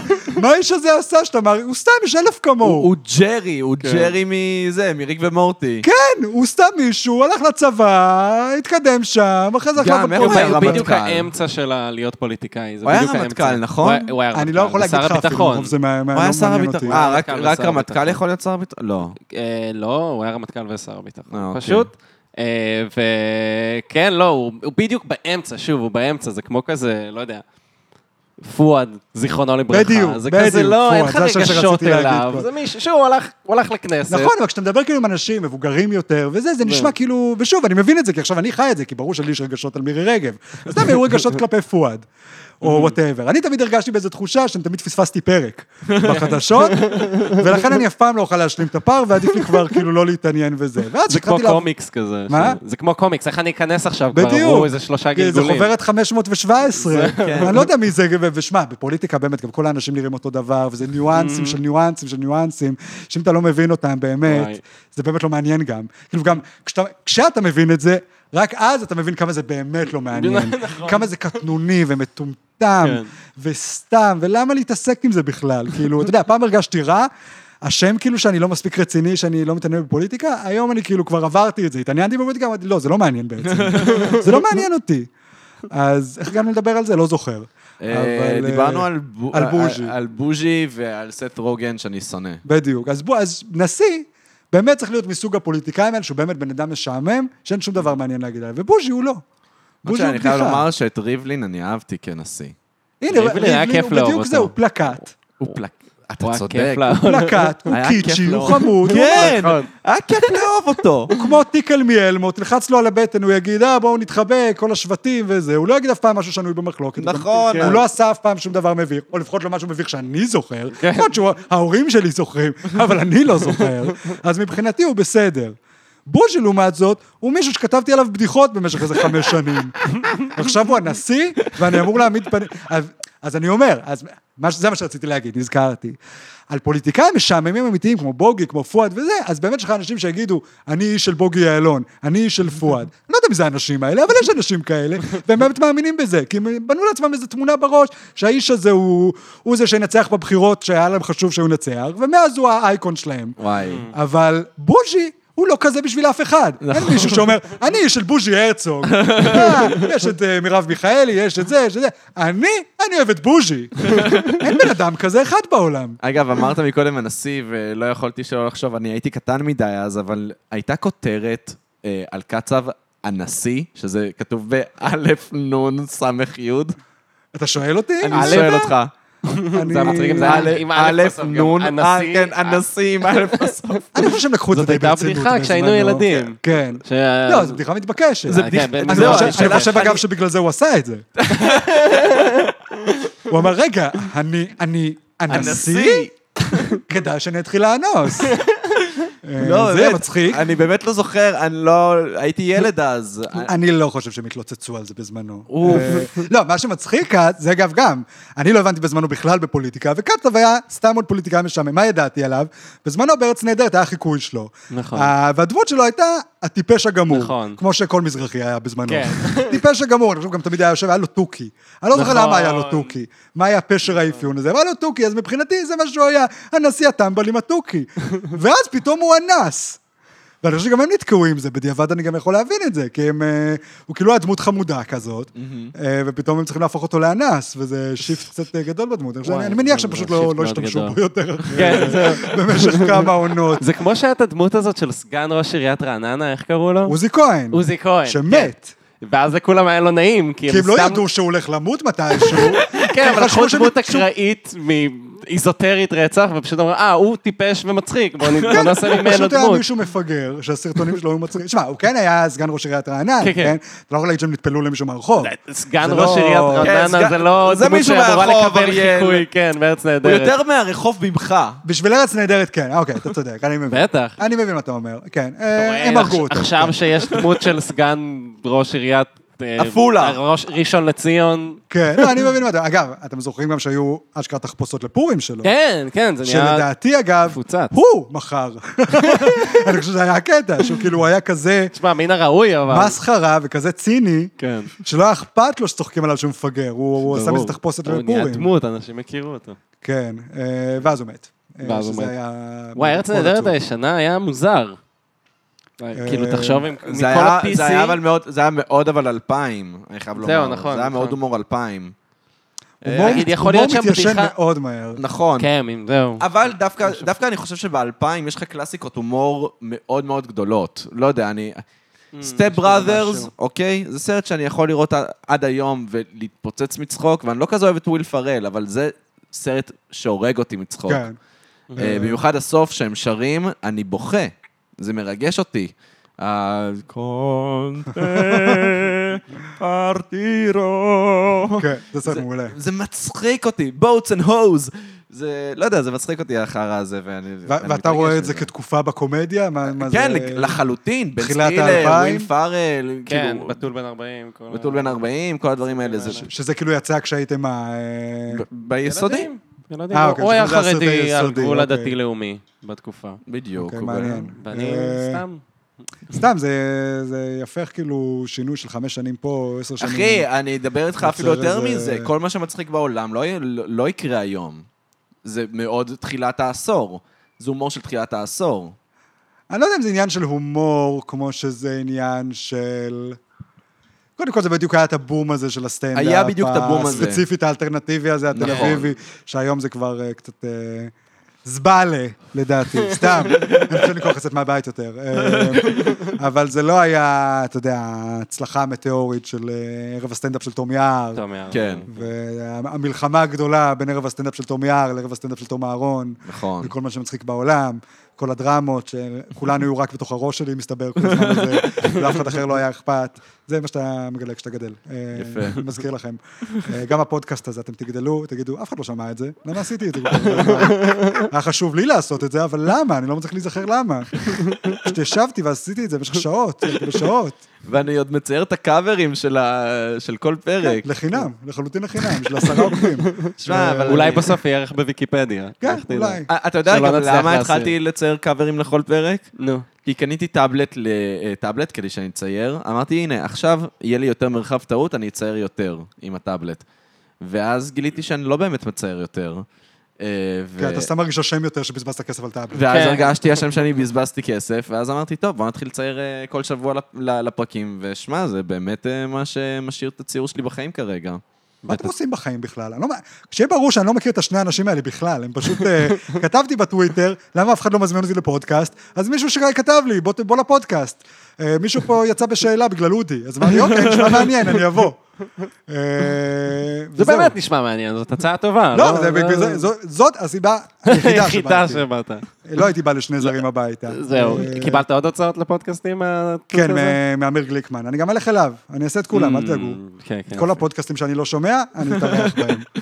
אה, אמיר גליקמן היה פה. אה, רגע, אז... כן, כן, ראיתי, אה, אה, אוקיי, חותמת איכות. זה מעגל הפודקאסטים. זה ממש מעגל הפודקאסטים. זה מדהים. לא, אבל ככה זה גם היה בסטנדאפ. אין, אתה רואה את ההיסטוריה חוזרת על עצמה, זה מרתק. אה, אז מה אתם עושים בחיים, חוץ מפודקאסטים? אני מלצר, כמו שאמרתי, מלצר, ואין לי זה- שאיפות בחיים. זה הבנתי. והוא... אני, אני כותב קומיקס, אה, שהוא יצא מתישהו, אוקיי. אה, שזה גם אה, קומיקס ווקי, אני אספר לך על זה אחר כך אם אתה רוצה, זה... עכשיו, אחרי אם אנחנו נדבר, בקטע אה, של כסף, חשבתי שאלה אפורה אה, של אה, אה, כסף. אה, אני- אני. אתה שואל אה, שאלה אפורה של אני- כסף, לא? אני עושה את הפודקאסט, ואני עושה את המוזיקה שלי, שגם... אני אתה עושה גם מוזיקה, כן. אבל הכסף, מאיפה? הכסף כסף. בא מתמיכה- מתמיכה טכנית בטלפונים. של אה, אוקיי, מוזיקה. עבודה רגילה, בסדר. עבודה כן, רגילה, אבל אני. עובד בלילות. אני למעשה מתחיל לעבוד ב-12 וחצי בלילה, מסיים ב-8 בבוקר, ו... אז אנחנו עכשיו בבוקר שלך, כאילו, לפני העבודה. אה, אני- כן, עכשיו אנחנו למעשה לפני העבודה שלי, אבל בגדול, העבודה שלי היא להיות זמין. זה לא שאני כל הזמן עובד. אתה כאילו עובד מהבית, עובד מהבית, אני זמין. תמיכה טכנית, אתה לא צריך להגיד מאיפה, של מה, אבל תגיד בגדול מה התחום. אה, מסעדנות. מסעדנות, אוקיי. נכון, כל המחשבים של המסעדות, הם צריכים, אתה יודע, לשלוח בונים למטבח. אז זה לא משהו של שיחות כל רגע. לא, זה משהו לא... די אה, נישתי דווקא, נשמע. בדיוק. אז כאילו, אז יש הרבה זמן פנוי. אז למשל, את הפודקאסט אני עורך בזמן, כאילו, שאני עובד. אני מצייר תוך כדי שאני עובד. נשמע שהסתדרת בחיים. אה, אני אתה חי לא חיים של מובטל, למעשה, אבל אבל... עם משכורת, עם משכורת-. לא רעה גם. שזה מה שאני עושה, רק רק בלי המשכורת גם. לא, זה שיחוק. זה- אה, זה שיחוק, זה שיחוק. תכלס יש לך שגרה די טובה. אני לא יודע, כי הימים שלי הם נהיו יותר ויותר, כאילו, אני קצת רקוב בימים, אני כל הזמן אומר, טוב, מחר אני אעשה את הדברים שאני רציתי לעשות, ואז מגיע מחר, וכל מה שאני עושה זה כזה, יואו, אני לא מאמין שאני צריך לצאת מהמיטה, ואני נשאר, ב- אני מתעורר, אני נשאר במיטה איזה שעה וחצי. כן, אני כן, שגרה טובה, ב- זה מה שאמרתי. בטיק טוק, כל כך ואז. באינסטגרם. שגרה רגילה. ואז אני אומר, טוב, אני אונן עכשיו, לא, רק התעוררת, אולי תאונן אחרי זה. בשביל מה, ואז- עכשיו וגם אחר כך. ואז אני מאונן עכשיו. וגם אחר כך. וגם אחר כך. זה לא מתבזבז, יש שעות תמיד. נכון, תמיד יש עוד לאונן. עד שנולד ילד ואין זמן. התחלת לאונן מוקדם? בגיל מוקדם או בשעה מוקדמת? בגיל מוקדם, לא לא בשעה מוקדמת. גם וגם, אתה יודע, אין לי בעיה להודות. קמתי בשש בבוקר וגיליתי את אה, המיניות שלי. לא, אני דווקא לא מחשיב את עצמי כמאונן פרימצ'ורלי. Mm. לא, נראה לי שבגיל שבו אמורים להתחיל. לא נראה לי מה שזה זה, היה... 13? 14?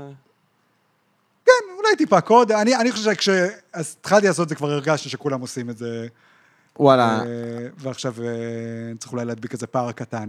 אבל הדבקתי אותו. חבר'ה, הכל בסדר. סגרת אני- את הפער, סגרת את הפער. הדבקתי את הפער, אני לא, אין לאף אחד פור עליי באוננות, זה אני בטוח. לא יודע, אני נגיד התחלתי לפני כולם, וגם הייתי בחברה דתית, אז אתה יודע, אני לא לא ידעתי ש...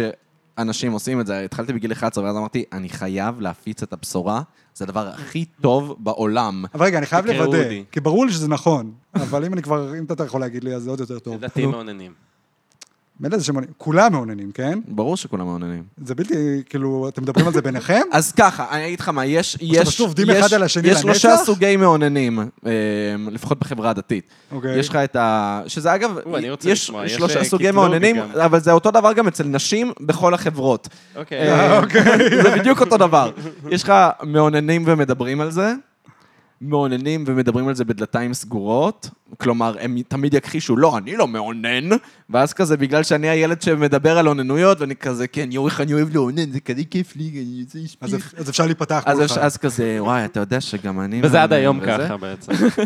אני גם מעונן וזה, ויש את האלה שהם אומרים לך שהם לא מעוננים, ואתה רואה בעיניים המתות שלהם שהם לא מעוננים. תקשיב, יש מישהו כזה, אני לא יכול להגיד, זה אני באמת לא יכול להגיד בשידור, אבל תזכיר לי אחרי השידור, אני אגיד לך על מישהו מפורסם. שיש ש- לו עיניים שהוא מתות. לא חרדי, הוא לא דתי, הוא לא כלום, ובכל זאת הוא נשבע שהוא לא מאונן, כי הוא חושב שיש בזה משהו מביך. אני לא אגיד לך מי זה. אוקיי, אבל סבבה. תזכיר לי אחר כך, כי זה יהיה מאוד מעניין ואתה תהיה עצוב אם לא תזכיר לי. יואו, אני- וכל מי ששומע גם, תשאלו אותי בפרטי. אני מאוד אשמח שכולם ידעו את זה, אני פשוט משפטית. לא מכיר יכול מישהו להגיד את כזה, זה. וזה כאילו בא מאיזה מקום של שלווה, אבל הבן אדם נהיה עצבני יותר. אה, נכון! הבן אדם נהיה עצבני יותר. כן, כן, גם הבן אדם שנדבר עליו, לא הבן אדם הכי שלם אוקיי, אז. אנחנו נדבר על זה. רציתי להגיד, גם, סתם על העניין של לדבר על אוננויות, שכאילו יש את הטיעון גם, הנה, אני ארד על פמיניסטיות ככה. יש, שתתחבר.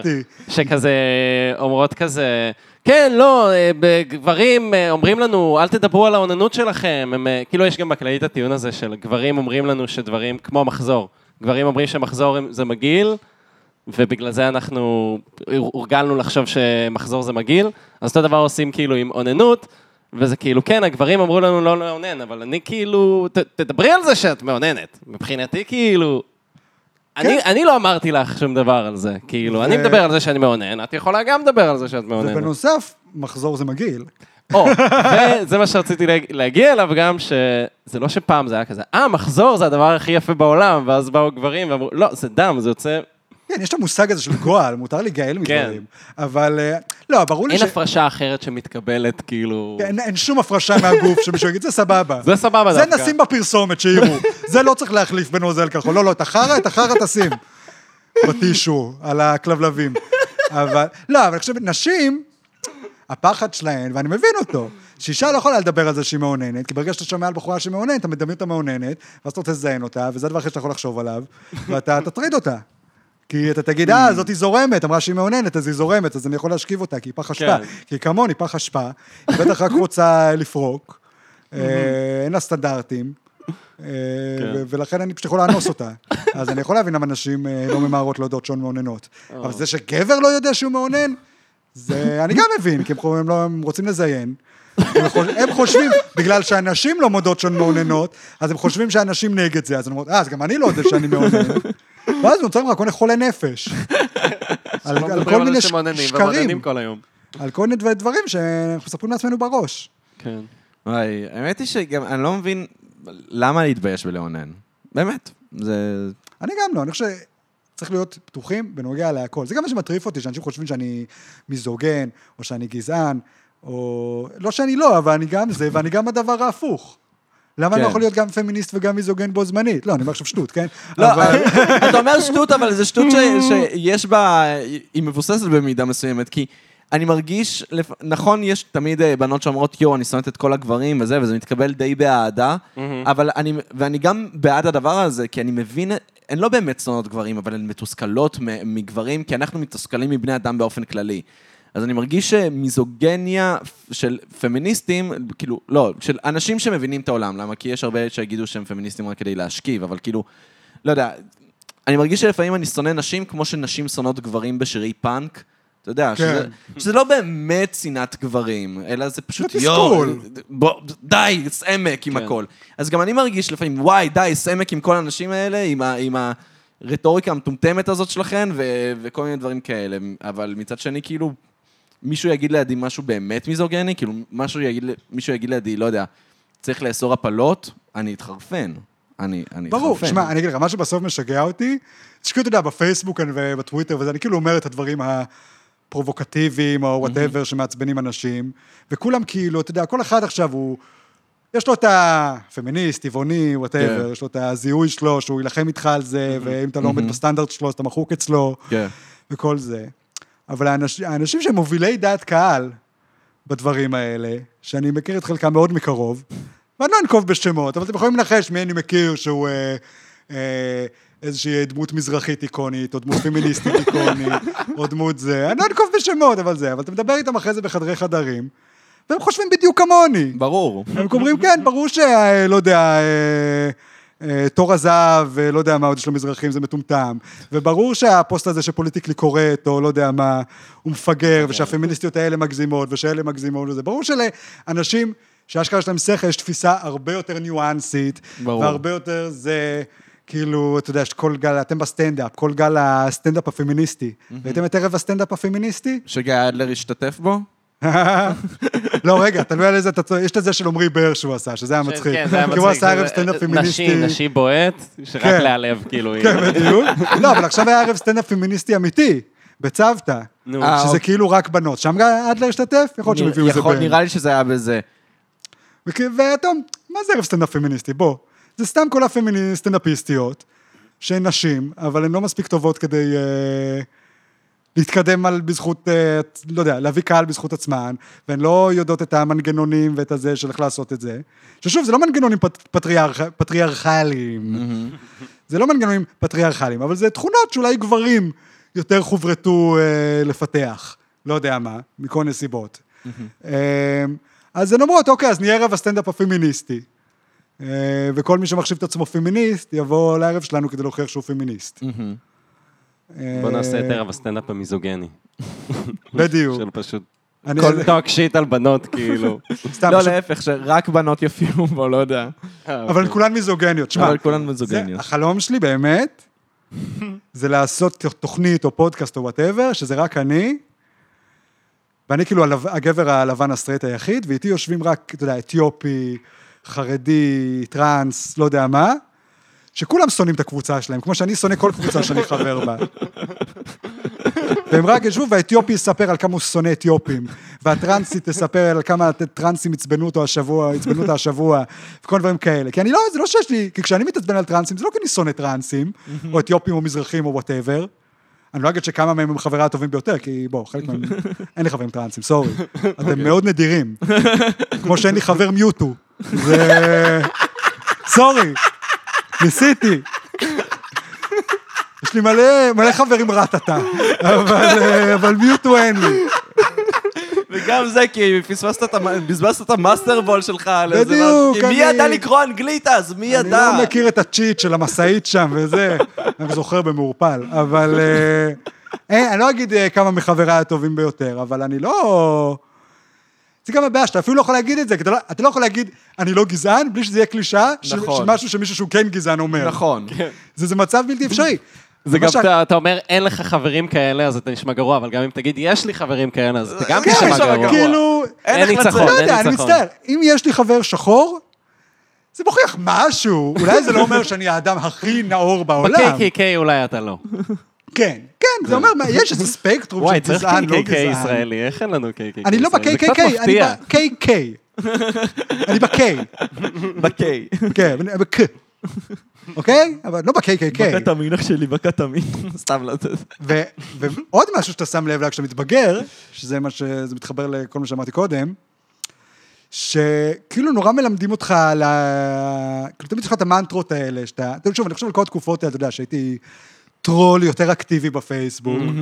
ומה זה להיות טרול? זה למצוא את הבן אדם שכולם קופצים עליו עכשיו, כי, הוא, אה, כי כולם אומרים עליו שהוא אה, שוביניסט או גזען או מטריד מינית או זה, ולאכול לו את הראש עד שיש נגיד איזה מישהו, אני לא אנקוב בשמו, אבל היום נגיד, הוא כאילו אושיית רשת לגיטימית, הוא כאילו ציני, הוא מגניב, הוא עושה סטנדאפ, הוא זה, ואין לי שום דבר נגדו, כן, אני אומר את זה כאילו אני הולך לחשוף עכשיו שזה. כן. אבל פעם, ואני באמת אומר לפני איזה עשר שנים, אבל בתקופה שכל מה שעשיתי זה לחפש ריבים בפייסבוק, אז הוא היה לו איזה incident מאוד uh, cringy, שאני אגיד עכשיו בפירוט מוחלט, כי זה מצחיק.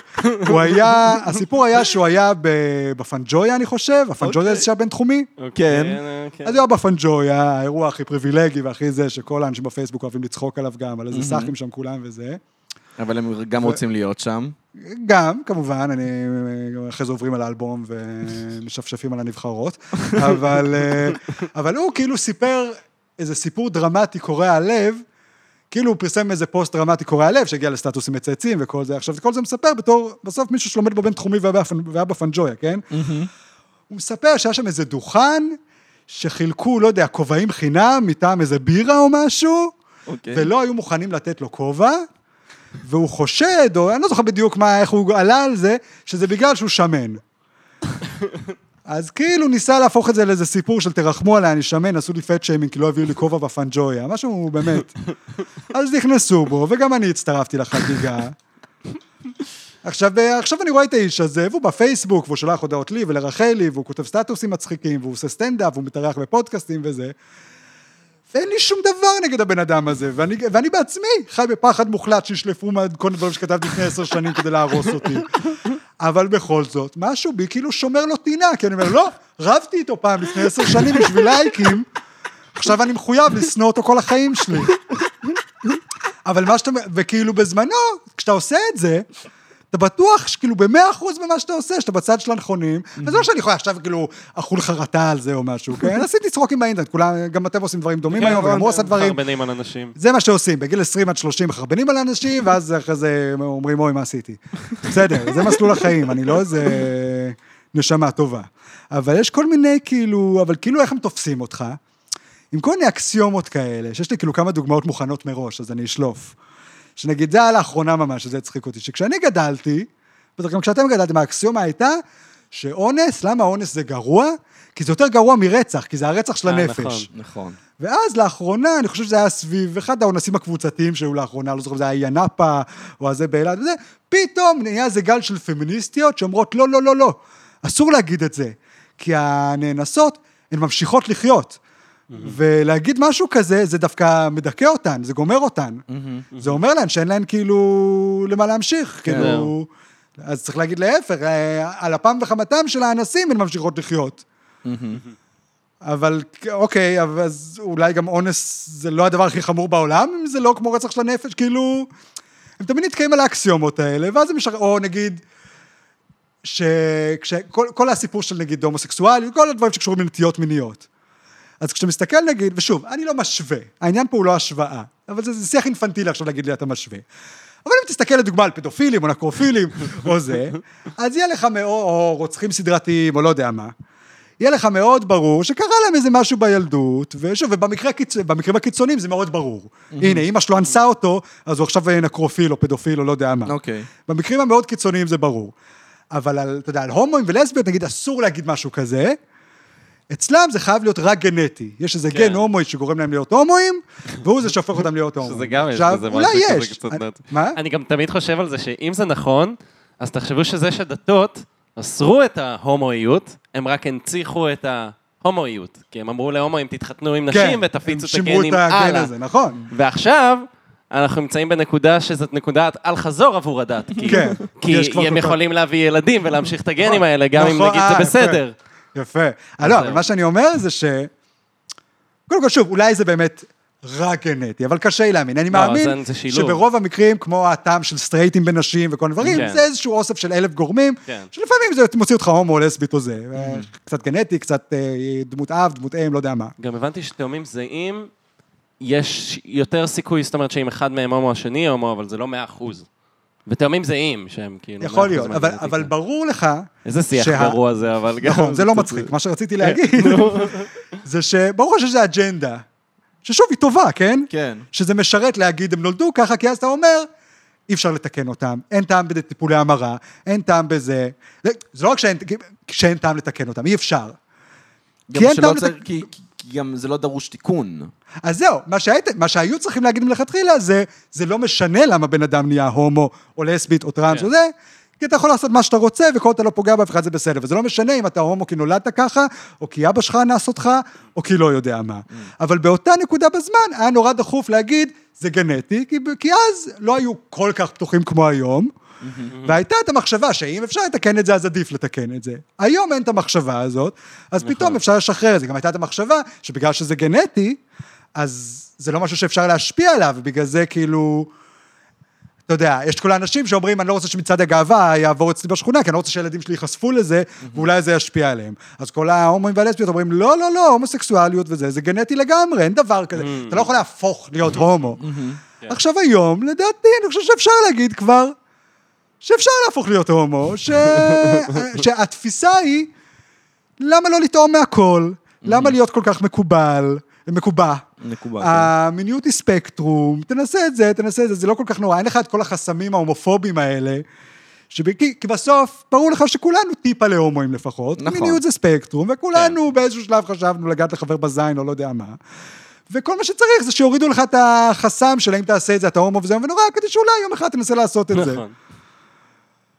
וזה לא רע, זה לא דבר נורא, אבל זה אומר שהומוסקסואליות זה לא בהכרח גנטי, וזה לא משנה אם זה גנטי. כן. ושווואלה, אולי עדיף שאנשים יהיו הומואים מבחירה. לא יודע, אולי יש בזה משהו טוב, לא יודע מה, אולי זאת אופציה, אני לא יודע. זה כמו שראיתי שסמיון ניסה כאילו לתקוף את בני ציפר בתוכנית של בואו לאכול איתי, שבני ציפר אמר שהוא בגיל ההתבגרות שלו, הוא הבין שיש בו איזה משיכה כאילו לגברים. אה, הוא ברור, בבירור משקר לעצמו, אבל כן. הוא הלך, לכיוון הסטרייט, שהוא הלך כן, לכיוון אוקיי. הסטרייט. ואז סמיון בא כאילו לתקוף אותו, והוא כזה... אומר לו כזה, ואני אעשה את המבטא והכל, סתם הוא עושה. כזה... בני ציפר, הוא עושה עוול גדול לקהילה הלהט"בים. כי הוא אומר להם שאתם יכולים להפוך להיות לא הומואים. ואני, אני סטרייט, נולדתי סטרייט. אני לא יכול מחר להגיד אני אשכב עם גבר. כי אני סטרייט. אני לא הומו. נכון, זה בדיוק זה, זה... ואני כזה, אתה כן יכול, סמיון, אם אתה ממש תרצה, אתה יכול לקום מחר ולשכב עם גבר. אבל אתה מבין, הם שניהם, זה ביטוי של תפיסות בומריות. בדיוק. כי בני ציפר הוא בומר, אבל הוא בומר פרובוקטור. כן. אז הוא מבחינתו, הוא מאתגר את התפיסה הזאת של הומו מזה מלידה, כי זה היה האקסיומה ההומואית כשהוא התחבט עם הדברים האלה. אה, היום זה אגב, אני לא בטוח שזה נשמע כל כך מופרע, זה נשמע מופרע מהעיניים האלה של סמיון באמת, ושלנו, ושל קצת יותר ישנות, שאומרות, אה, אתה לא יכול לבחור את זה באמת, כי נורא חשוב להגיד, הנה, זה גם מה שסמיון אמר, כי יש פה איזו אג'נדה שצריך למכור עכשיו להומואים כדי שלא יתאבדו. כן, כי אם בדיוק. אתה אומר להומואים שאפשר לבחור את זה, אז הם... אה, והם ירגישו שהם לא יכולים לבחור, אז הם כן, יתאבדו, לא. יודע מה. כאילו, תמיד יש פה איזה איום מעל הראש, אם תגיד ככה, בלי קשר לאמיתות של האמירה, אז בסוף איזה הומו בפריפריה יתאבד. כן. ושום דבר מהשיח הזה לא קשור למציאות, למה האמת. למה... עכשיו שוב, זה לא שאני עושה מחקרים או בודק כן, סטטיסטיקות וזה. בדיוק. אני גם בסוף חי באיזה מרחב אה, תיאורטי, ואומר אולי זה ככה, אולי זה ככה, אולי זה ככה. אבל לא יודע, צריך להרשות את המרחב הזה. כאילו...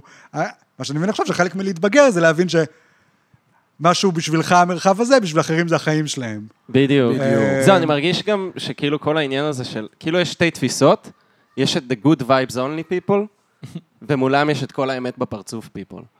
עכשיו, שתי הגישות יכולות להיות מאוד הרסניות, של good vibes people זה לא, אל תגיד שום דבר רע, אתה תגיד שום דבר רע, אתה לא יודע איך זה ישפיע על בן אדם אחר, אתה יוצא רעל, ואז זה כזה נאגר כל הרעל. ואז יש את כל האמת בפרצוף, שהם כזה זין, אני אגיד מה שאני חושב, אני אחרבן על הכל, ואז זה יוצא לך נגיד אה, שי חי כזה. כן, obviously, התשובה היא ששוב, זה מה שחשבתי עד לא מזמן, התשובה היא תמיד איפשהו באמצע. בדיוק. אבל, כמו שאמרתי, כשאתה מתבגר, אתה מגיע כן. שהכל בולשיט, ומגיעה הקורונה, ופתאום אין אמצע.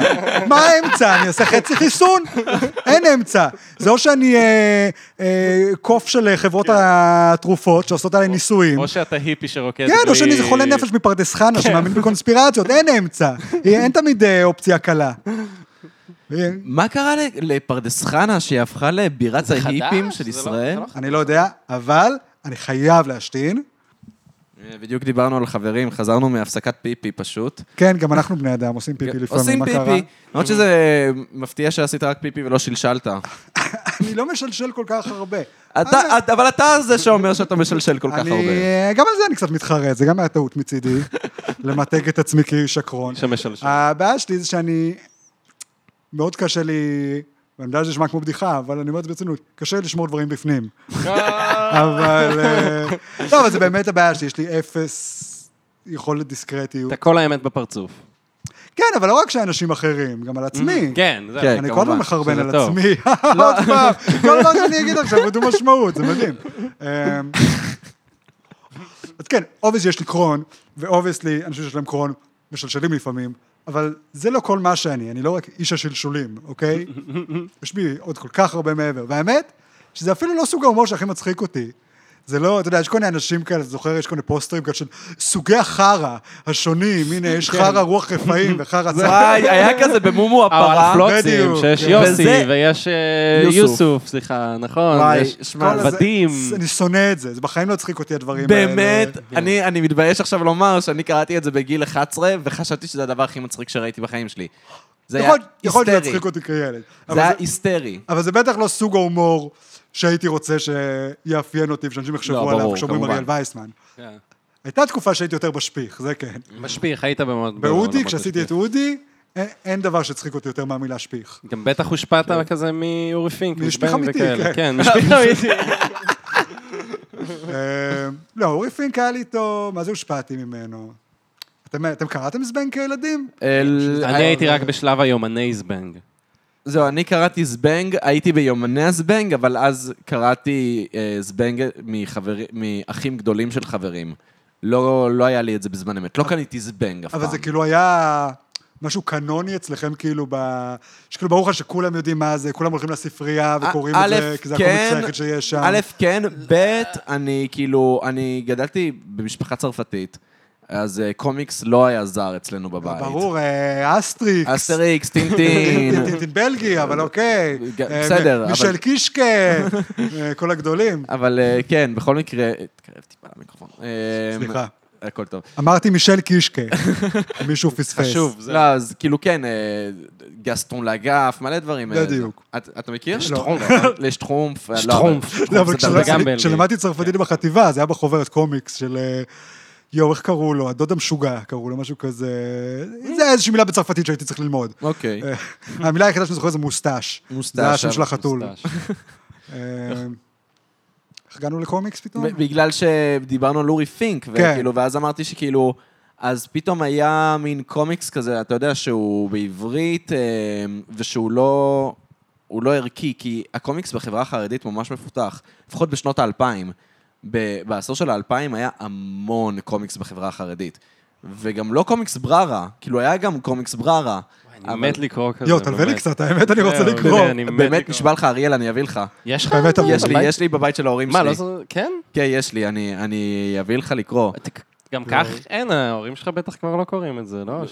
אה, שקלתי קח לקחת להם, תעקוץ להם. שקלתי לקחת את זה הנה, אני יודע מה פעם הבאה שאני אצל ההורים שלי, אני אקח את זה כן. פשוט. וואי, זה מעניין. אז כן, לראות. אז היה קומיקס ש...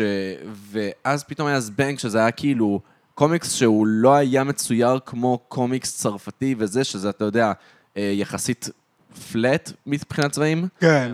וזה היה מצויר כמו אמריקאי, עם נכון. הצללות מאוד, כאילו עם קונטרסט מאוד מאוד אה, גדול בין הצבעים, הצללות שחורות, ולאו דווקא... רגע, אבל אני חייב לך- גרוטסקיות גם. אה, כן, וגם גרוטסקי וזה, והיה שרירים, כאילו היה כן. צורות גוף, זה היה ממש כמו קומיקס אמריקאי. אני ו- חייב אבל לחזור לקומיקס חרדי. איזה סיפ- כאילו, איזה סיפורים היו? אוקיי, יש סיפור אחד של זה, אני, אני אשאיר לכם, זה סיפור ממש טוב, קוראים לו, לו סימן חיים, וזה על, על ילד שזה מיסיונר או פריץ, חוטף אותו במזרח אירופה, ו, ואז המשפחה שלו יוצאת במסע חיפושים אחריו.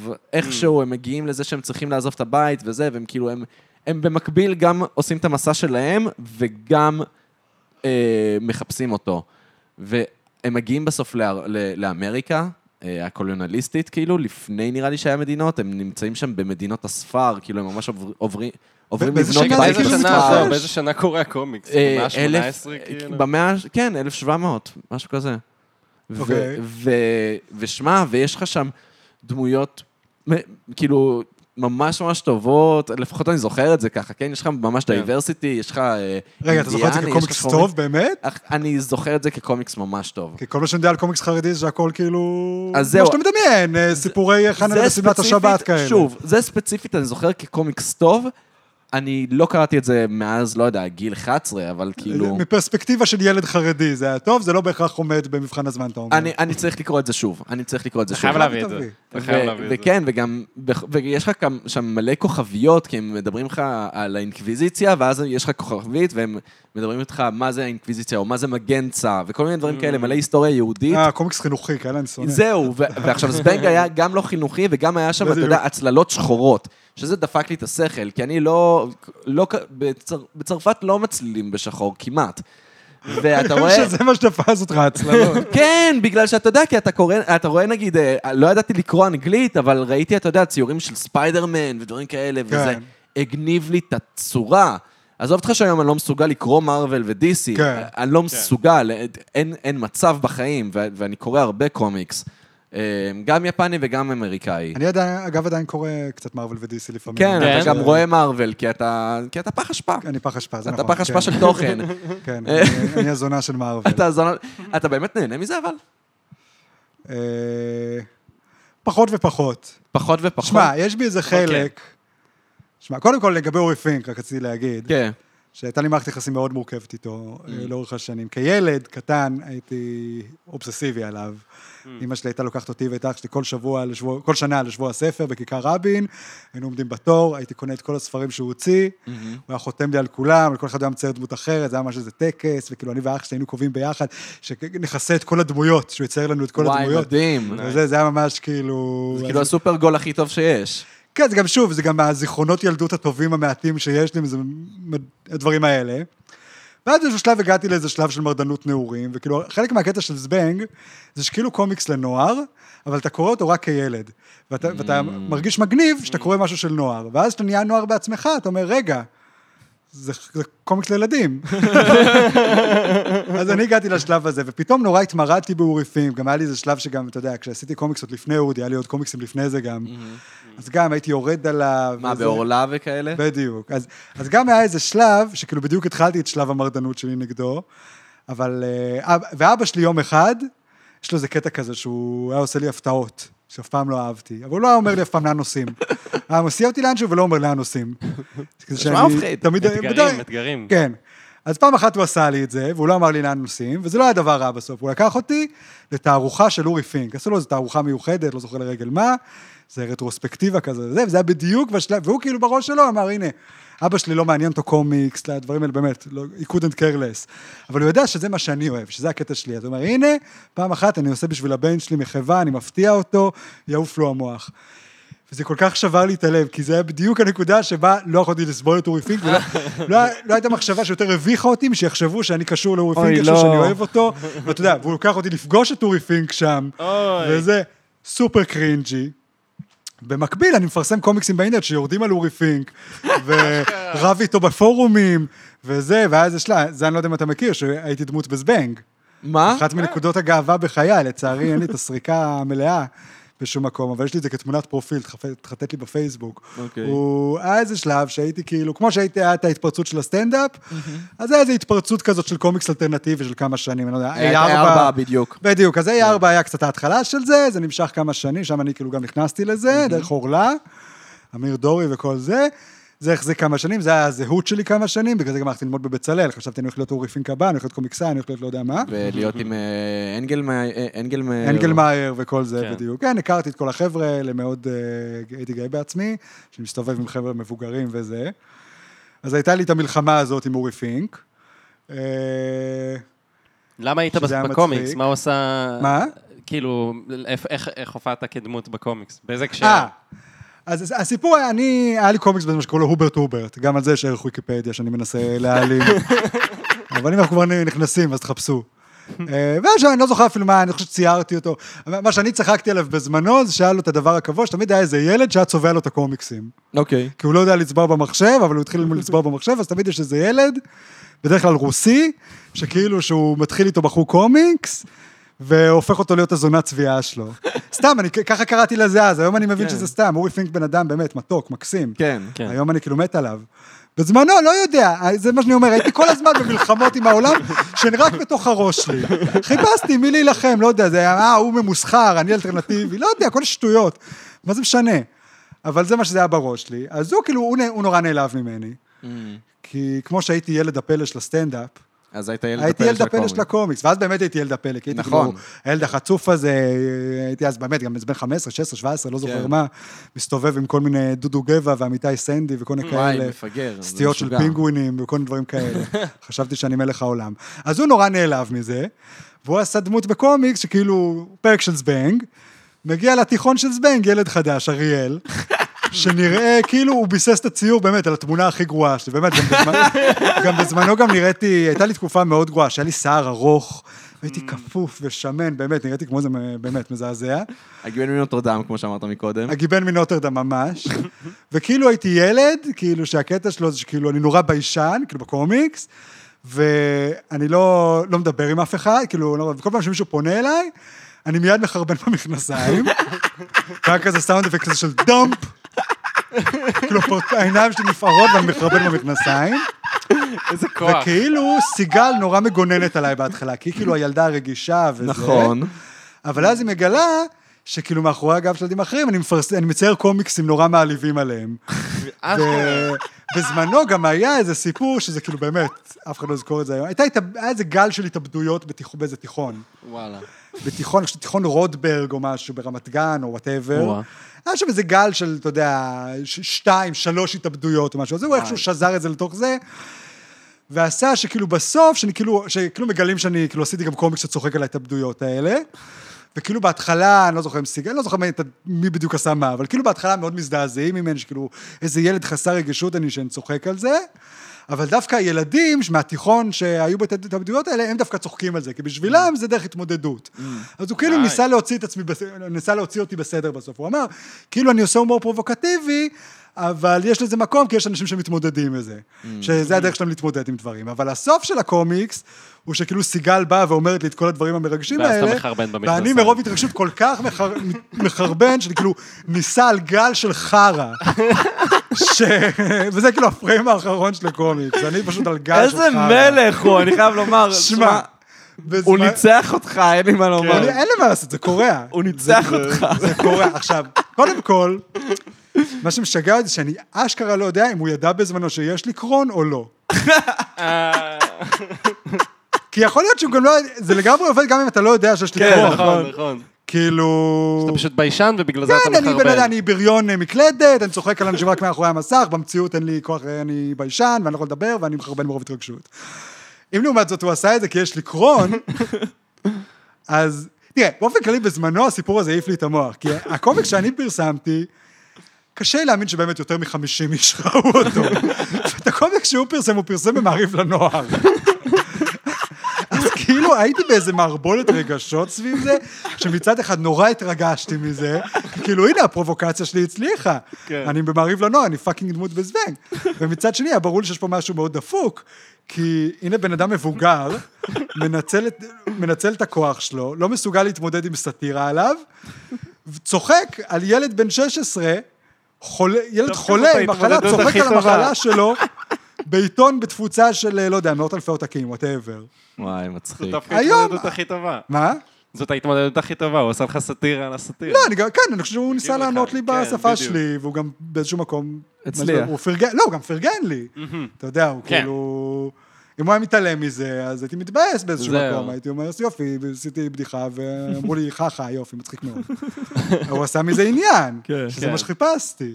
אבל אה, אני גם, אני לא זוכר בדיוק את הטיימליין, אבל היה שם הרבה, הסכסוך איתו היה בהרבה רגעים מצחיקים. אני זוכר שהיה פעם אחת בשבוע, בפסטיבל הקומיקס, שהסתובבתי עם איזה אנשים אפילו עוד יותר, קומ- קומיקסאים אפילו יותר אה, אוונגרדים ממני ויותר אה, פרועים ממני, אבל שכמובן, איפה הם היום ואיפה אני? אני כותב בטלוויזיה, הם כלום.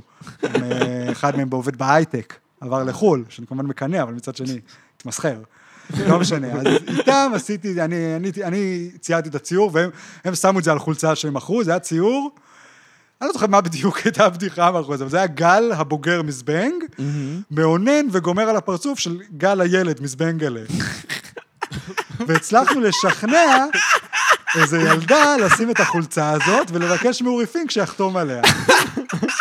והוא לא אהב את זה בכלל.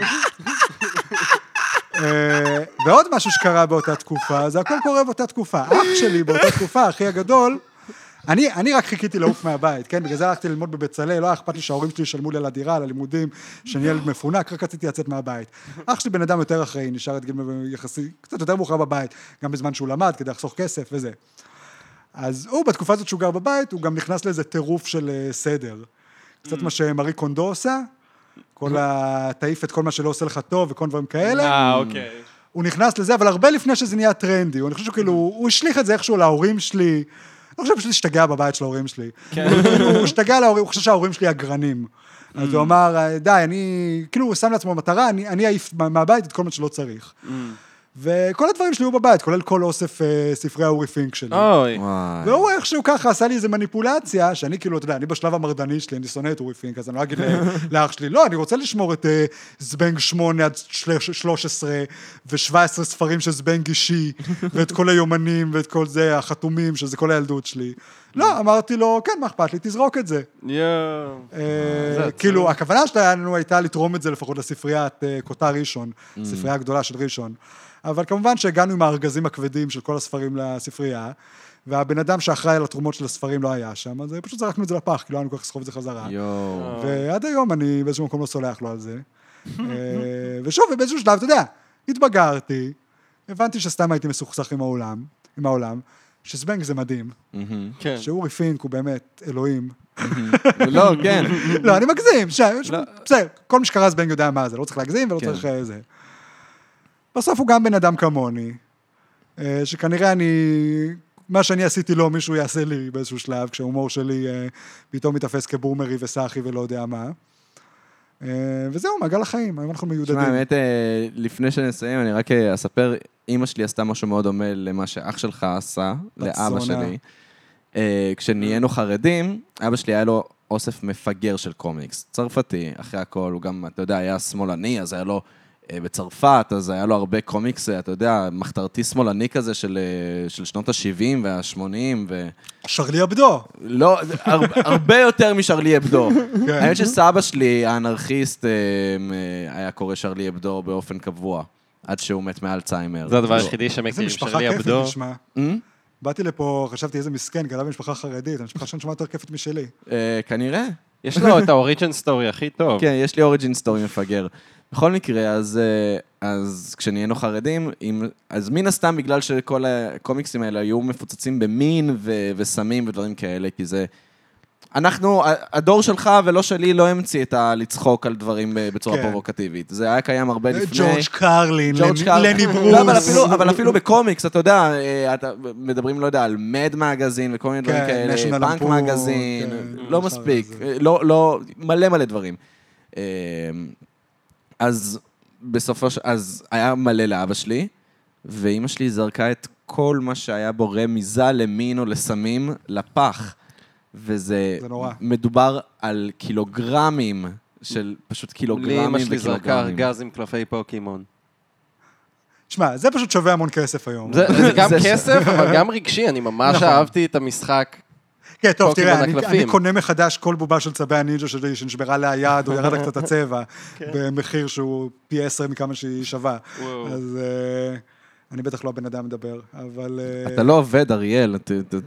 תקשיב, אתה לא מבין. כמה אני מתאפק עכשיו לא לקנות, גם עכשיו זה בדיוק השלב שכל הדור שלי עכשיו הגיע לשלב שיש לו כסף, כל- כולם חוץ ממני עובדים בהייטק, אז מוציאים עכשיו כל כך הרבה מוצרים שהם לוחצים על בלוטות נוסטלגיה, אבל כל כך ספציפיות, כאילו לא סתם בובות של צבי הנינג'ה, יש עכשיו ליינים שלמים, ואני אתן לך עכשיו על שני, יש ליין של בובות של צבי הנינג'ה, אבל שמעוצבים בדיוק כמו בסדרה המצוירת. וואי. וחוץ מזה, יש ליין של צבי הנינג'ה, של חברה אחרת, שזה בובות שמושפעות, כאילו בהשראת הליין של הבובות שאני גדלתי עליהן, אבל כאילו הרבה יותר יוקרתי ומושקע ומעוצב ואומנותי, וכל הבובות האלה באמת שוות, כל אחת מהן שווה איזה 200 דולר או לא יודע מה. מה? וואו. וקניתי קצת, וזה תמיד גם סיוט להשיג את זה דרך אי-ביי, כי אז אתה גם משלם כפול על המשלוח. יואו. אה, אבל אני, כאילו, אני... אבל בגלל זה, ונחזור למה ששאלת, בגלל זה אני גם רואה סרטים של מארוול. כי יש בי איזה משהו שכל כך מעסיק אותי, כי גם כילד, והנה, פה זה יתפור את כל הפודקאסט מההתחלה ועד הסוף, בגלל שהייתי כזה ילד דחוי, ומסכן, ובלי חברים, וכל הזמן במריבות עם עצמו וזה. אז היה נורא קל לי להיות כאילו, אתה יודע, לחיות בפנטזיות האלה של הקומיקסים והסדרות טלוויזיה, וזה היה כל החיים נכון. שלי. בגלל זה אני מניח שגם נהייתי תסריטאי ויוצר וקומיקסאי וזה, כי אני... כי זה כל מה שמעסיק אותי, גם היום. לא מעניין אותי פוליטיקה, לא מעניין אותי כדורגל, חיי היום-יום, מעבר למינימום שאני חייב להשתתף בהם, לא מעניין אותי. גם בגלל זה לא עניין אותי לצאת עם בנות, כי זה הכל, כאילו, אתה חייב שזה... אתה יודע, אני מסתכל על אנשים, אה, כל הדור קאנים האלה שיש עכשיו.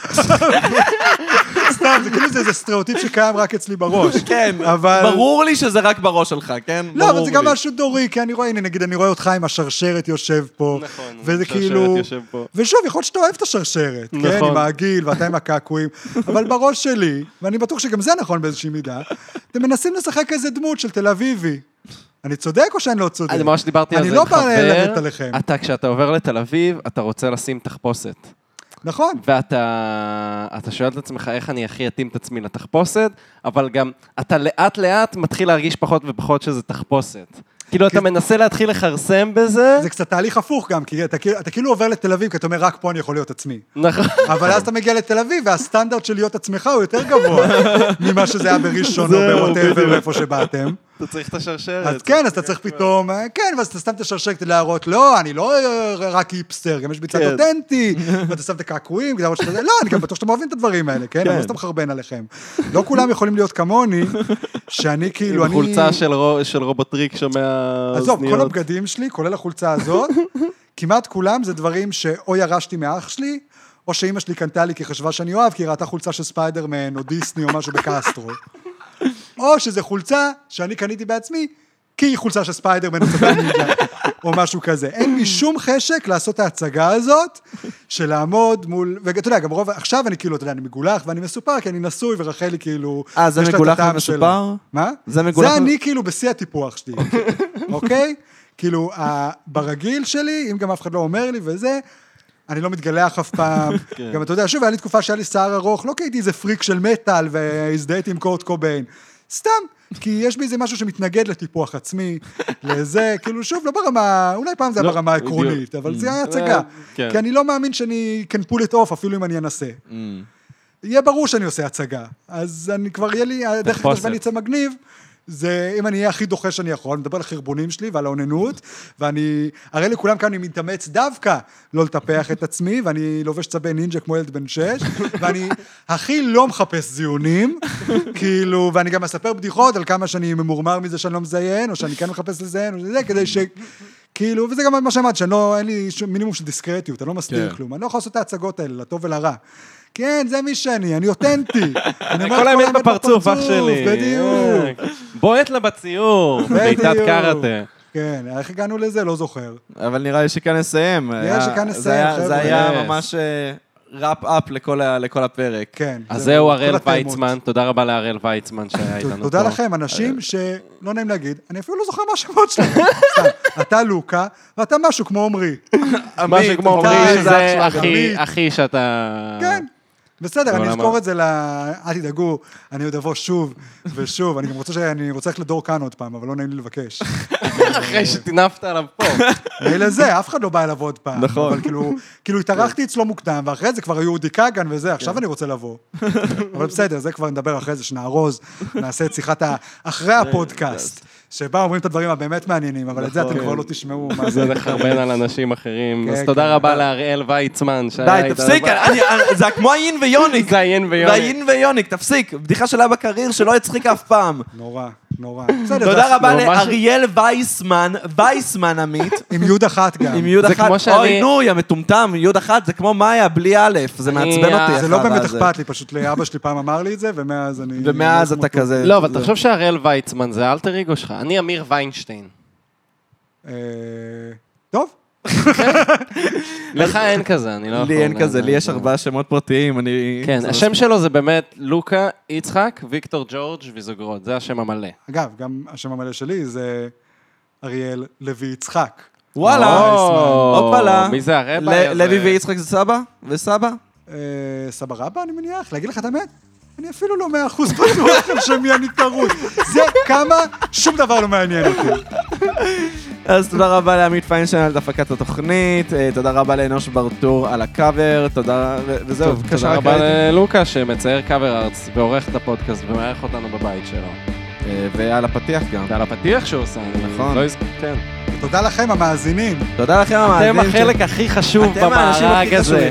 לא הנרקיסיזם שלנו, לא. שבעצם גורם לנו לעשות את החרא הזה. אתם, זה בשבילכם. אתם מאפשרים להכל לקרות ולהיות אמיתי. יאללה, מת לשתף את זה כבר. יאללה, אז אה, תודה רבה שהקשבתם לפרות קדושות, פרות קדושות.